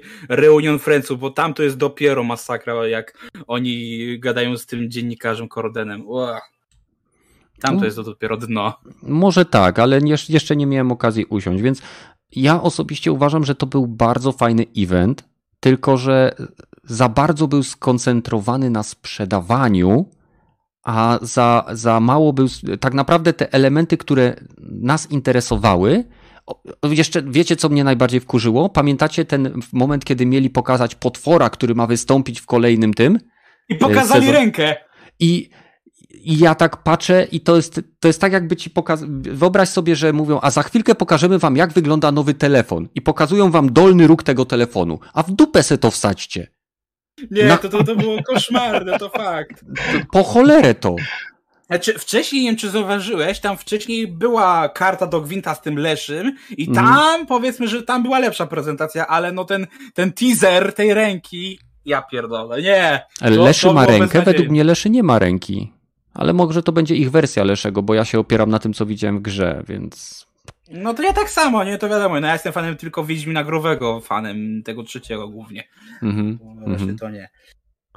No, no więc w każdym razie to jest dobry początek, tak? E, czasem początki są ciężkie i mam nadzieję, że w momencie, kiedy pandemia już zelży, to będziemy mieli możliwość e, jakby doświadczenia faktycznych, fizycznych Witcherconów, Mam nadzieję, że Netflix nie zarżnie tego i nie zajedzie tej, tej, tej marki w piach. Eee, raczej będzie chciał to kontynuować. W ogóle szkoda, że nie wzięli Sapkowskiego tak naprawdę w ogóle, wiesz. Pewnie nie było ich stać na niego, nie? On chciał z góry, wiesz? To, to dlatego nie wzięli. Chciał kasę no. z góry. No, nie. nie taką, że ich przekroczyłby cały budżet. To, że oni chcą pakować w to pieniądze, to nie jest y, dla mnie y, w ogóle jakby dyskusyjne. Problem polega na tym, żeby Co? oni nie przesadzili nie? No, wiesz, masz teraz, będziesz miał serial animowany, spin-off y, prekilowski, także no, oni teraz będą tego wieśka tak pchać, że Jezu. Mhm. To jeżeli to ma być y, coś pokroju gry o tron, no to w tym momencie to jest dobry moment, żeby zacząć się bawić w takie promocje, w, takie, w, te, w ten sposób robienie co roku, no bo y, można chyba założyć, że w tym momencie przez najbliższe parę lat co roku będziemy mieli kolejny sezon Wiedźmina. Mhm. E, w międzyczasie być może jakieś e, tam serie anime czy odcinki anime, jak oni to tam pokazują. E, no, a do tego trzeba takiej ciągłej promocji, ciągle utrzymywania tego tak. fandomu, jakby nie było. Mhm. Bo nie mamy w tym momencie tak dużej rzeczy popkulturowej, jak była Gra o Tron, jak tak. to, co ona robiła z ludźmi. Jest tak pustka. No. Jest zdecydowanie pustka. No jeszcze były Wikingowie, ale tak, ewidentnie każdy teraz próbuje zrobić swoją grę o Tron, nie? Mhm. No a tutaj mamy jakby e, zarówno fanów gry, którzy będą to oglądać, fanów książek, e, którzy będą to oglądać. Nikt nie jest zadowolony, ale wszyscy dalej oglądają. E, jedna rzecz, która jeszcze muszę powiedzieć, że mi się bardzo spodobała, to sposób, w jaki Henry Cavill opowiadał. mogę opowiedzieć rogaty, żeby, bo to wiesz, fragment wywiadu. Chcesz spoiler? Tak, tak, tak, dawaj. spoiler z wywiadu. Zanim, nie, zanim, to, tak zanim to powiem, to chciałem podziękować wszystkim, którzy są tutaj z nami, mimo tego, że trwa lub trwał finał jakiegoś eventu sportowego. Coś chyba w piłkę nożną grałem czy coś, więc jesteście prawdziwymi graczami, że tu z nami jesteście. Wpadnijcie do nas na Discord, gdzie jest bardzo dużo prawdziwych graczy. I macie link w opisie. A jeżeli chcecie wesprzeć pro, e, ten sam kanał i podcast przede wszystkim, to dajcie łapkę w górę, a później ewentualnie jakiś komentarz, bo to wszystko karmi tą maszynę, którą jest algorytm YouTube. E, chodzi mi o to, że Kawil był fanem gry od dawna, bo on jest graczem, tak? To jest nerd. To jest dopakowany, piękny, niesamowicie wyglądający, nerd, z którego kiedyś wszyscy się śmiali, a teraz im głupio. Więc y, on maluje figurki od Warhammera, on y, sam składa swoje pecety, jest graczem pecetowym, więc w ogóle to już y, totalny win-win dla posiadaczy pecetów. I on lubił grę, ale nigdy nie czytał książek, bo zawsze jak widział książki, to był przekonany, że książki są jakby spin-offami z gry, bo zawsze na okładkach w Stanach były fragmenty czy grafiki z gry. On dopiero od swojego chyba menadżera mówił, że dowiedział się, że to jest na podstawie książek Sapkowskiego. I on później pochłonął te wszystkie książki i w momencie, kiedy dowiedział się, że Netflix zastanawia się nad zrobieniem serialu, to on się od tym. E, do, prawdziwy gracz to taki, dla którego liczą się gry Behemoth. Więc to jest prawdziwy gracz. E, I e, on dowiedział się, że Netflix będzie pracował nad adaptacją to zanim jeszcze były jakiekolwiek y, nabory, zanim w ogóle był showrunner, on już był ze swoim agentem w Netflixie, mówiąc, że on chce grać. I oni mu powiedzieli, stary, ale my nawet nie mamy showrunnera, nie mamy nic, przyjdź do nas później. I on później normalnie był na pierwszym castingu i wyobraźcie sobie, on się nie dostał na tym pierwszym castingu. Odrzucili go. I dopiero po jakimś czasie wrócili do niego. E, no i to jest myślę takie, e, pokazuje jakim on jest ogromnym fanem jakby same, samych książek, samego świata, samej postaci i mimo, że on może nie jest nie wiadomo jak y, dobrym tym Wiedźminem, tak, że każdy gracz ma, nie wiem, Geralda w głowie z gry, ktoś z książek ma inne wyobrażenie, ktoś, kto miał kontakt z książkami, komiksami, jeszcze inne. Ale Kawil łączy w sobie w pewnym sensie zarówno tego z gry, jak i z tego z książek i tworzy coś wyjątkowego i ja osobiście uwielbiam Kawila jako Wiedźmina. On mi tam po prostu pasuje. E, nie wiem, jak to się rozwinie dalej, ale mimo tych wszystkich zmian, które Netflix wprowadza w samym lore, w postaciach, które gdzie niegdzie występują i, i e, jakby w pewnych jakby ustalonych przez Sapkowskiego realiach, to jest adaptacja, a nie bezpośrednie przełożenie, więc ja to jestem w stanie przetrwać. Tak jak jestem fanem Star Treka, to jestem w stanie prawie wszystko przetrwać, byleby powstawały kolejne części seriali, czy to będzie Picard, czy to będzie Discovery, czy to będzie Lower Decks animowany, którego większość takich ortodoksyjnych fanów e, Star Treka nie cierpi. Ja tam pła, pła, płakam ze śmiechu, mówiąc totalnie niepoprawnie po polsku. Więc jestem bardzo zadowolony.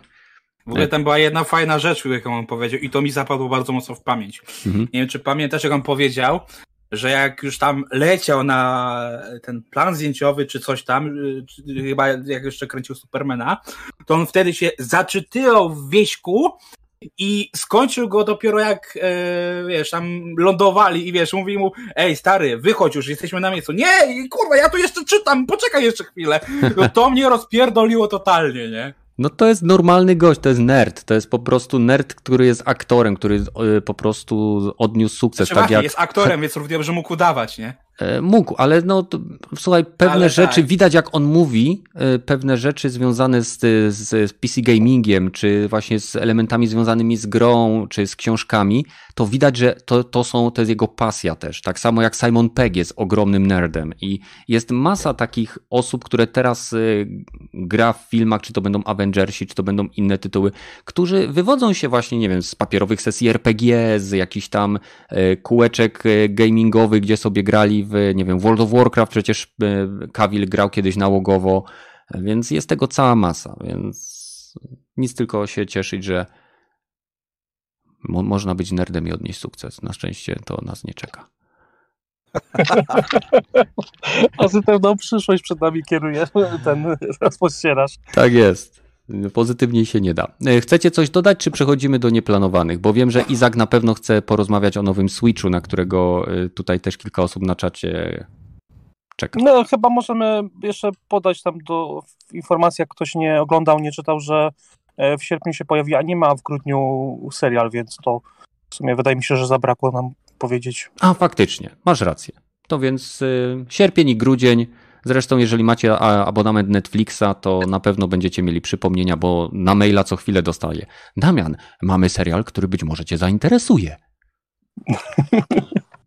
Nie no, Netflix zakładam. W ogóle y, chodząc teraz do kina, muszę Wam powiedzieć, że e, jedna rzecz, która mnie mocno zdziwiła, e, to wcześniej, nie wiem czy pamiętacie, były ciągłe te reklamy z tym wampirem, to były te Kinder e, Bueno, jak dobrze -hmm. pamiętam. A teraz są non-stop reklamy Netflixa. Non-stop.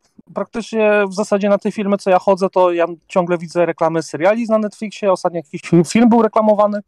I tak, wow, kinie. Hmm. Aż Reklamują dziwne, wroga. E, chyba się pieniądze kończą. Chyba tak, bo po pandemii to biorą co leci. No. Natomiast jest to dziwne, bo to było kompletnie nie do pomyślenia jeszcze tak e, myślę z dwa lata temu, że w kinie będziesz widział e, reklamy rzeczy tylko dostępne na Netflixie. Mhm.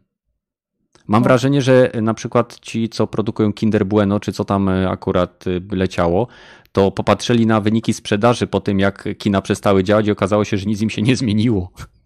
No, I może stwierdzili, o, oszczędności. Chociaż yy, chyba możemy przejść do działu nieplanowanego. Jesteśmy, jesteśmy już. Bueno, e, to jeszcze jak mieszkałem w Warszawie, to kiedy ceny batonów były normalne, nie tak dzisiaj, mhm. E, to zdarzało mi się, że kupowałem sobie trzy batoniki Kinder Bueno i szłem do bilet kupić za tam 10 zł, bo on był wtedy bodajże za 10 zł, więc taniej mi to wychodziło niż kupić bilet normalnie w, tam chyba wtedy Multikino, czy co, gdzie to było realizowane. Mhm, mhm. No a wracając do Switcha, powiedz mi, bo zapowiedzieli tego Switcha z OLEDem, większa przekątna ekranu, jak ci się podoba dock i to, co z tym zrobili? Wiesz co, ja nie wiem, czy pamiętacie, jak żeśmy gadali o Switchu Pro, który rzekomo się miał pojawić. Mhm. I ja wtedy stwierdziłem, że Nintendo, e, że ja bym bardzo chciał, a przypuszczam, że Nintendo tak naprawdę e, niewiele zrobi, e, a wszyscy się tylko napompują. No i dokładnie się stało to, czego się spodziewałem, co zresztą mnie bardzo cieszy, że dostaniemy odświeżoną konsolę w odświeżonej troszkę bryle, no bo tam będzie większy ekran, trochę inna stacja dokująca, w końcu porządna nóżka e, z środkiem dokładnie takim samym jak był.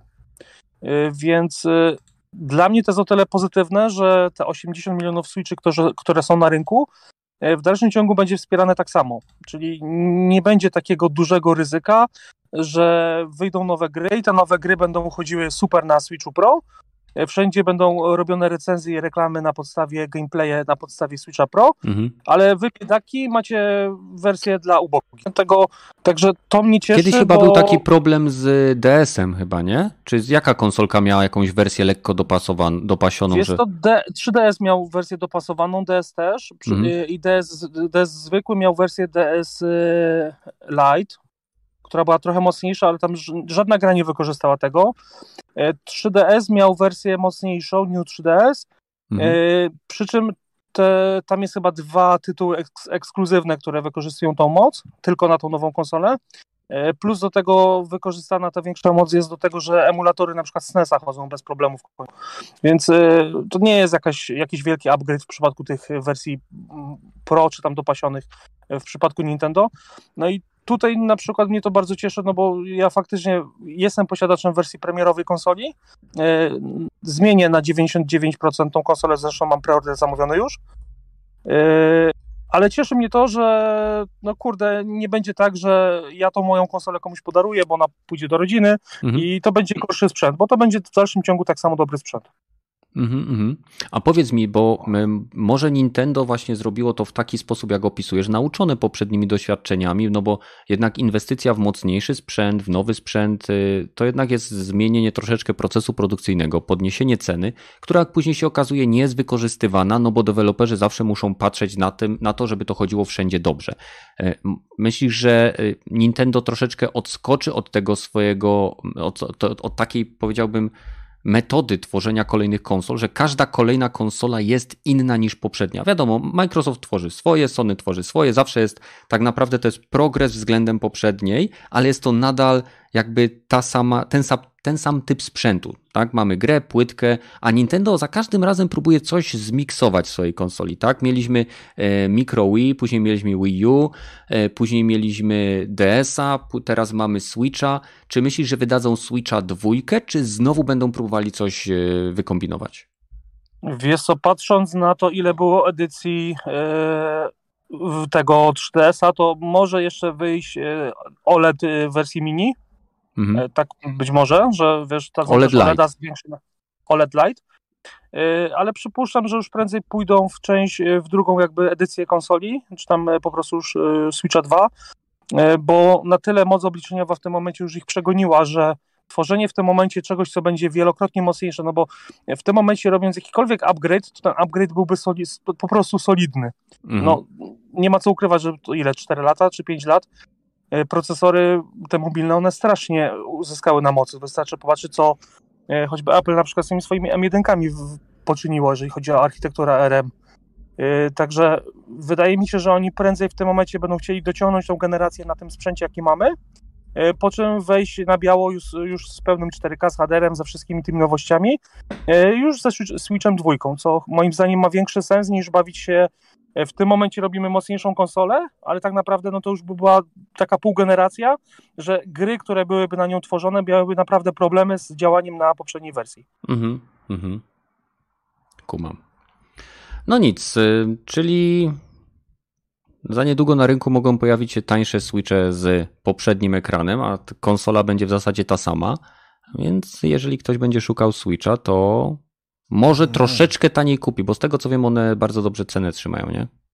No ale właśnie nie, nie wiem, jak hardware by takim trzymał, bo z tego co słyszałem, że ludzie, okej, okay, OLED jest zajebisty, przesiadamy się, bo oryginalny niestety yy, no, w, w pełnym słońcu nie jest niegrywalny, a ewentualnie bateria zżera tak szybko, że się w pale nie mieści, mhm. a OLED może pomóc ale w tym, ale dziwi mnie, że... Switcha, no. Switch V2 już ma, jest e, na przykład dużo lepiej na baterii trzyma.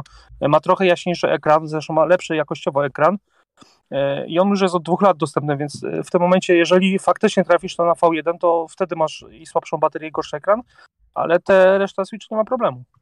No, tylko dziwi mnie, dlaczego nie troszeczkę nie przeprojektowali Joy-Conów, skoro mają już nową rewizję, to już nawet nie chodzi o drifting, tylko że na przykład dla mnie to jest, trzymałem to w ręce, absolutnie niewygodne, za małe są dla mnie po prostu. Hmm. I, I, e. z tego nie ma wyjścia, bo musisz pro kontroler też E, nie, nie pasi mi, też trzymałem w ręce i no okej, okay, no zajebista No Pro Controller jest kopią tak naprawdę będzie grało. Xboxa, więc trudno, żeby ci nie pasował moim zdaniem. za mały jest, za mały jest i tutaj nie ma żadnego wyboru praktycznie, nie? więc zajebiście, nowa wersja konsoli, którą nadal ma te same problemy, przynajmniej dla mnie, co, co poprzednie wersje. Pro Controller jest mniejszy od pada od Xboxa? Poważnie? Chyba troszkę jest. Mi fizycznie mniejszy, mniejszy się Mam wydaje. wrażenie, że bardziej przypomina rozmiarowo kontroler do Stadia, y, czy tam, y, nie wiem, co tam jeszcze jest, Luna? Ma chyba podobny kontroler. Ja wrócę do domu i pierwsze co zrobię to sprawdzę, bo e, ja jestem pewien, że one są tak, tak bardzo podobne do siebie. Mhm. E, do, e, mówię o padzie do, do, do Xbox One. Mhm że wydają mi się dosłownie swoją kopią siebie samych. Może Rogaty ma tak wielkie ręce. O, może. może. Natomiast e, jeżeli ktoś mówi o padach do Switcha, to też bym tutaj tego nie demonizował, bo e, po pierwsze e, pamiętaj, że w tym momencie tą, do tej konsoli masz mnóstwo akcesoriów i to zaczynając na przykład od tych kartonów, których już Nintendo co prawda nie produkuje, mhm. tylko w dalszym ciągu zostaje ci wsteczna kompatybilność, z, tak. więc Joy-Conów ciężko ci będzie przeprojektować, jeżeli masz, nie wiem, Wi-Fi tego, tego no, nie Wi-Fi, tylko Ring to, coś tam. Ring Fita, dokładnie. Mhm. E, jeżeli masz te kartony, no to wiesz, wypuszczasz e, nowego Switcha, który będzie wyglądał. E, więc ja rozumiem, że Joy-Cony są jakie są. Ja na przykład z parą Joy-Conów, które dostałem z konsolą na premierę, nie mam żadnego problemu. Jedyny problem, jaki mi się zrobił, to z parą Joy-Conów dokupionych. I tam jeden mi faktycznie driftuje. Natomiast y, padów zamiennych jest taka masa od każdego rodzaju kształtu, wielkości. Wystarczy iść na przykład do Mediamartu i tam zobaczysz 10 padów do Switcha, więc y, Switch nie ma żadnego problemu z, z zamiennikami. I to naprawdę różne, są mniejsze, większe, więc y, to nie jest problem, jak kto dobrego pada, a, a nie stać go na przykład na Pro Controller oficjalny, który jest drogi, no to dobre jakości pady też są. Hmm. Szczerze mówiąc, też mam wrażenie, że Nintendo e, miało być więcej, ale nie mamy nowych chipów, albo są takie drogie, że a, olać to wkładamy do środka ten sam stary hardware. Bo tylko dla OLEDa zmieniać, fakt, dla OLEDa zmieniać E, nowy skewt jakby tworzyć, no, no, no, chyba tylko po to, żeby jeszcze raz móc sprzedać prawie dokładnie to samo, nie? Takie wrażenie. No, ale... to, popatrz, tak, ale zobacz, że też e, może być na przykład koszt e, produkcji ekranów LCD w tym rozmiarze, e, co ma Switch, może się okazać, że e, z powodu tego, że na przykład tylko Switch bierze te ekrany, utrzymywać gdzieś linię produkcyjną, to na przykład zdrożały, to lepiej im będzie wziąć, co w tym momencie standardem staje się OLED, to we wszystkich telefonach praktycznie. Mhm. mhm. No to akurat tak. prawda, że masówka może być w tym rozmiarze, bo to jest taki tabletowy, to jest 7.1 chyba, nie? Tak. No, no to 7.1 to jest większość tabletów yy, takich. Mamy, mamy chyba czwórki, 7.1 i dziesiątki. Mogę się mylić, to to zgaduję, ale no, mam wrażenie, że to jest taki dosyć standardowy rozmiar do tych mini tabletów. Coś ciekawego jeszcze macie? Gragi, rogaty? Coś ciekawego się. Aha, właśnie. Możemy wspomnieć o tym, że mm, chińscy kopacze kryptowalut, jako że część kopalni została zamknięta w Chinach, e, zalewają chiński rynek tanimi, choć nie wiadomo jak bardzo zużytymi, kartami z serii e, GTX, 3060 i 3070. Można je kupić za około 270 dolarów, jeżeli wiecie, gdzie, gdzie w Chinach szukać. Kupilibyście taką kartę? Nie. E... Kurno, kuszące, ale raczej poczekam. Ale powiedz mi teraz tak, e, bo nie wiem, kto się zna na e, rynku pecetowym i tak dalej. E, taka karta, która jest w koparce, żeby ona nie ciągła tak dużo prądu, ona jest odpowiednio skręcana i tak dalej, ona nie powinna być tak strasznie wyeksploatowana. Poza tym te karty w tym momencie nie powinny mieć więcej niż tamte pół roku, rok maksymalnie. No tak, tak, one nie są na pewno wy, mhm. wyżyłowane. To nie jest ta karta sprzedażowa, co już mu się wyłącza i resetuje koparka i dlatego musi wymienić kartę. No, także to wydaje mi się, że to nie jest e, chyba zły, zły deal, e, jeżeli chodzi o, o zakup takiej karty. Tym bardziej, że ceny e, można mówić, że się normują, przy czym są w dalszym ciągu w sklepach dwa razy wyższe niż powinny, więc takie normowanie to w dalszym ciągu i tak jest absurd, więc... Polscy biznesmeni typowi. No. Nie, ja osobiście, gdybym miał możliwość dojścia do takiego sklepu, to bez problemu bym kupił, bo tak naprawdę, ok, ryzykuję te 200 ileś dolarów, podczas gdy tam ile, ile kosztuje teraz 3070 czy 3080? No, w okolicach 5 tysięcy? 5 do 5 tysięcy, 8 tysięcy chyba. No to, tyle chodziło. To jest skala ryzyka, którą byłbym w stanie podnieść, że tak powiem, bez problemu. 250-270 dolarów bez problemu. Jeżeli hmm. tylko bym miał komputer, do którego mógłbym to włożyć. bo do laptopa mi nie wejdzie. No.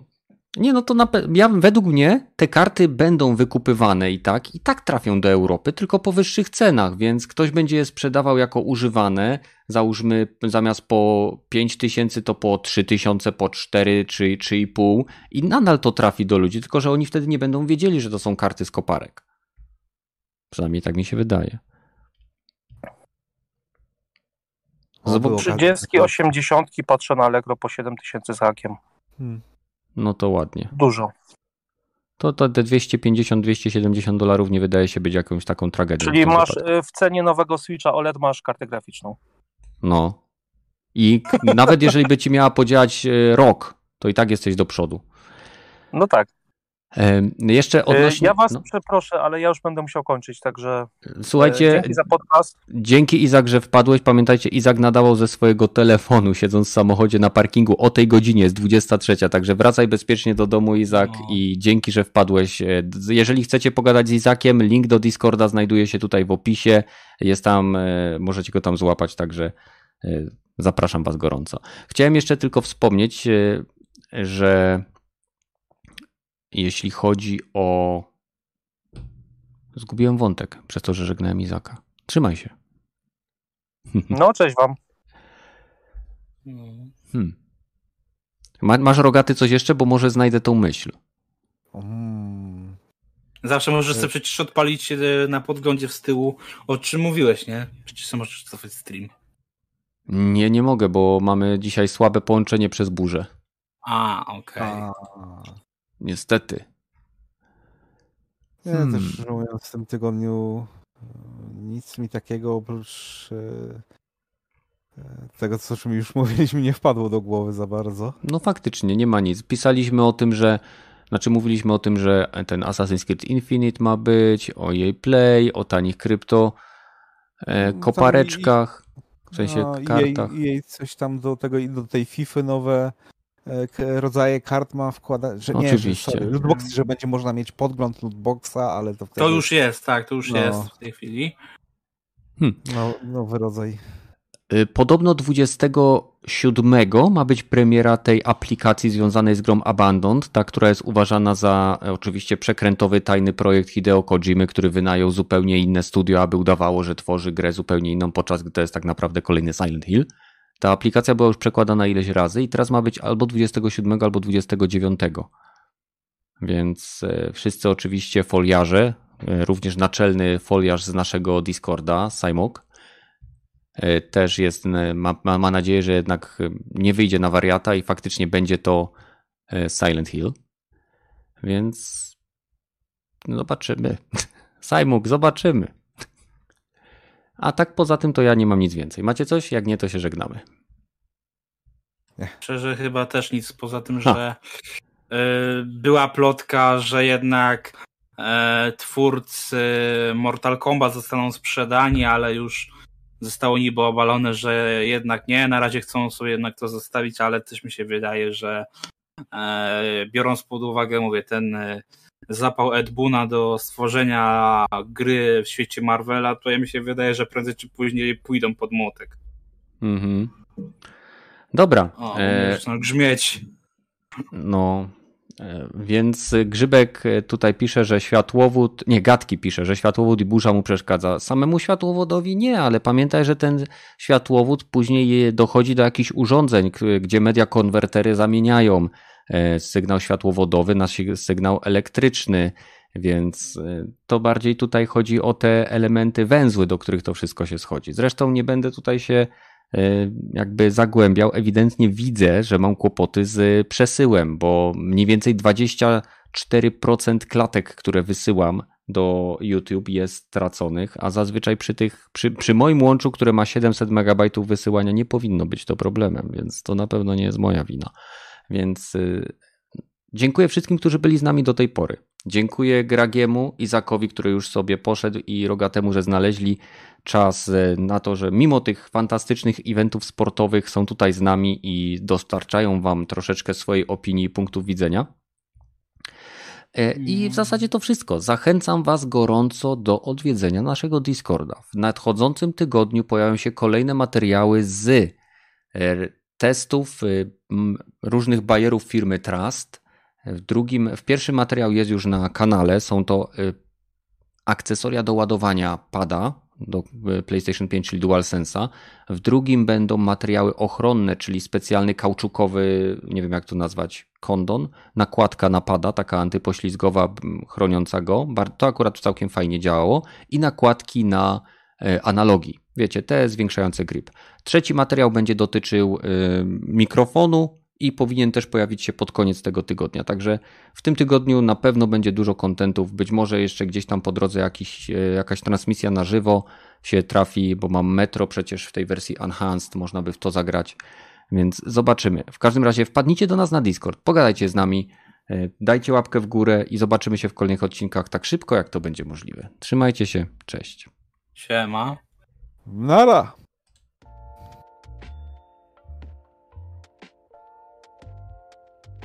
Hmm. No to e, która wspaniała drużyna aktorów wygra? Na razie to jest, będzie rzuty karne póki co. O! Będą karne. tak? Ale to może dobrze, nie będą mogli aktorzyć na rzutach karnych. No nie? Wszystko będzie od szczęścia zależało. Hmm. Także.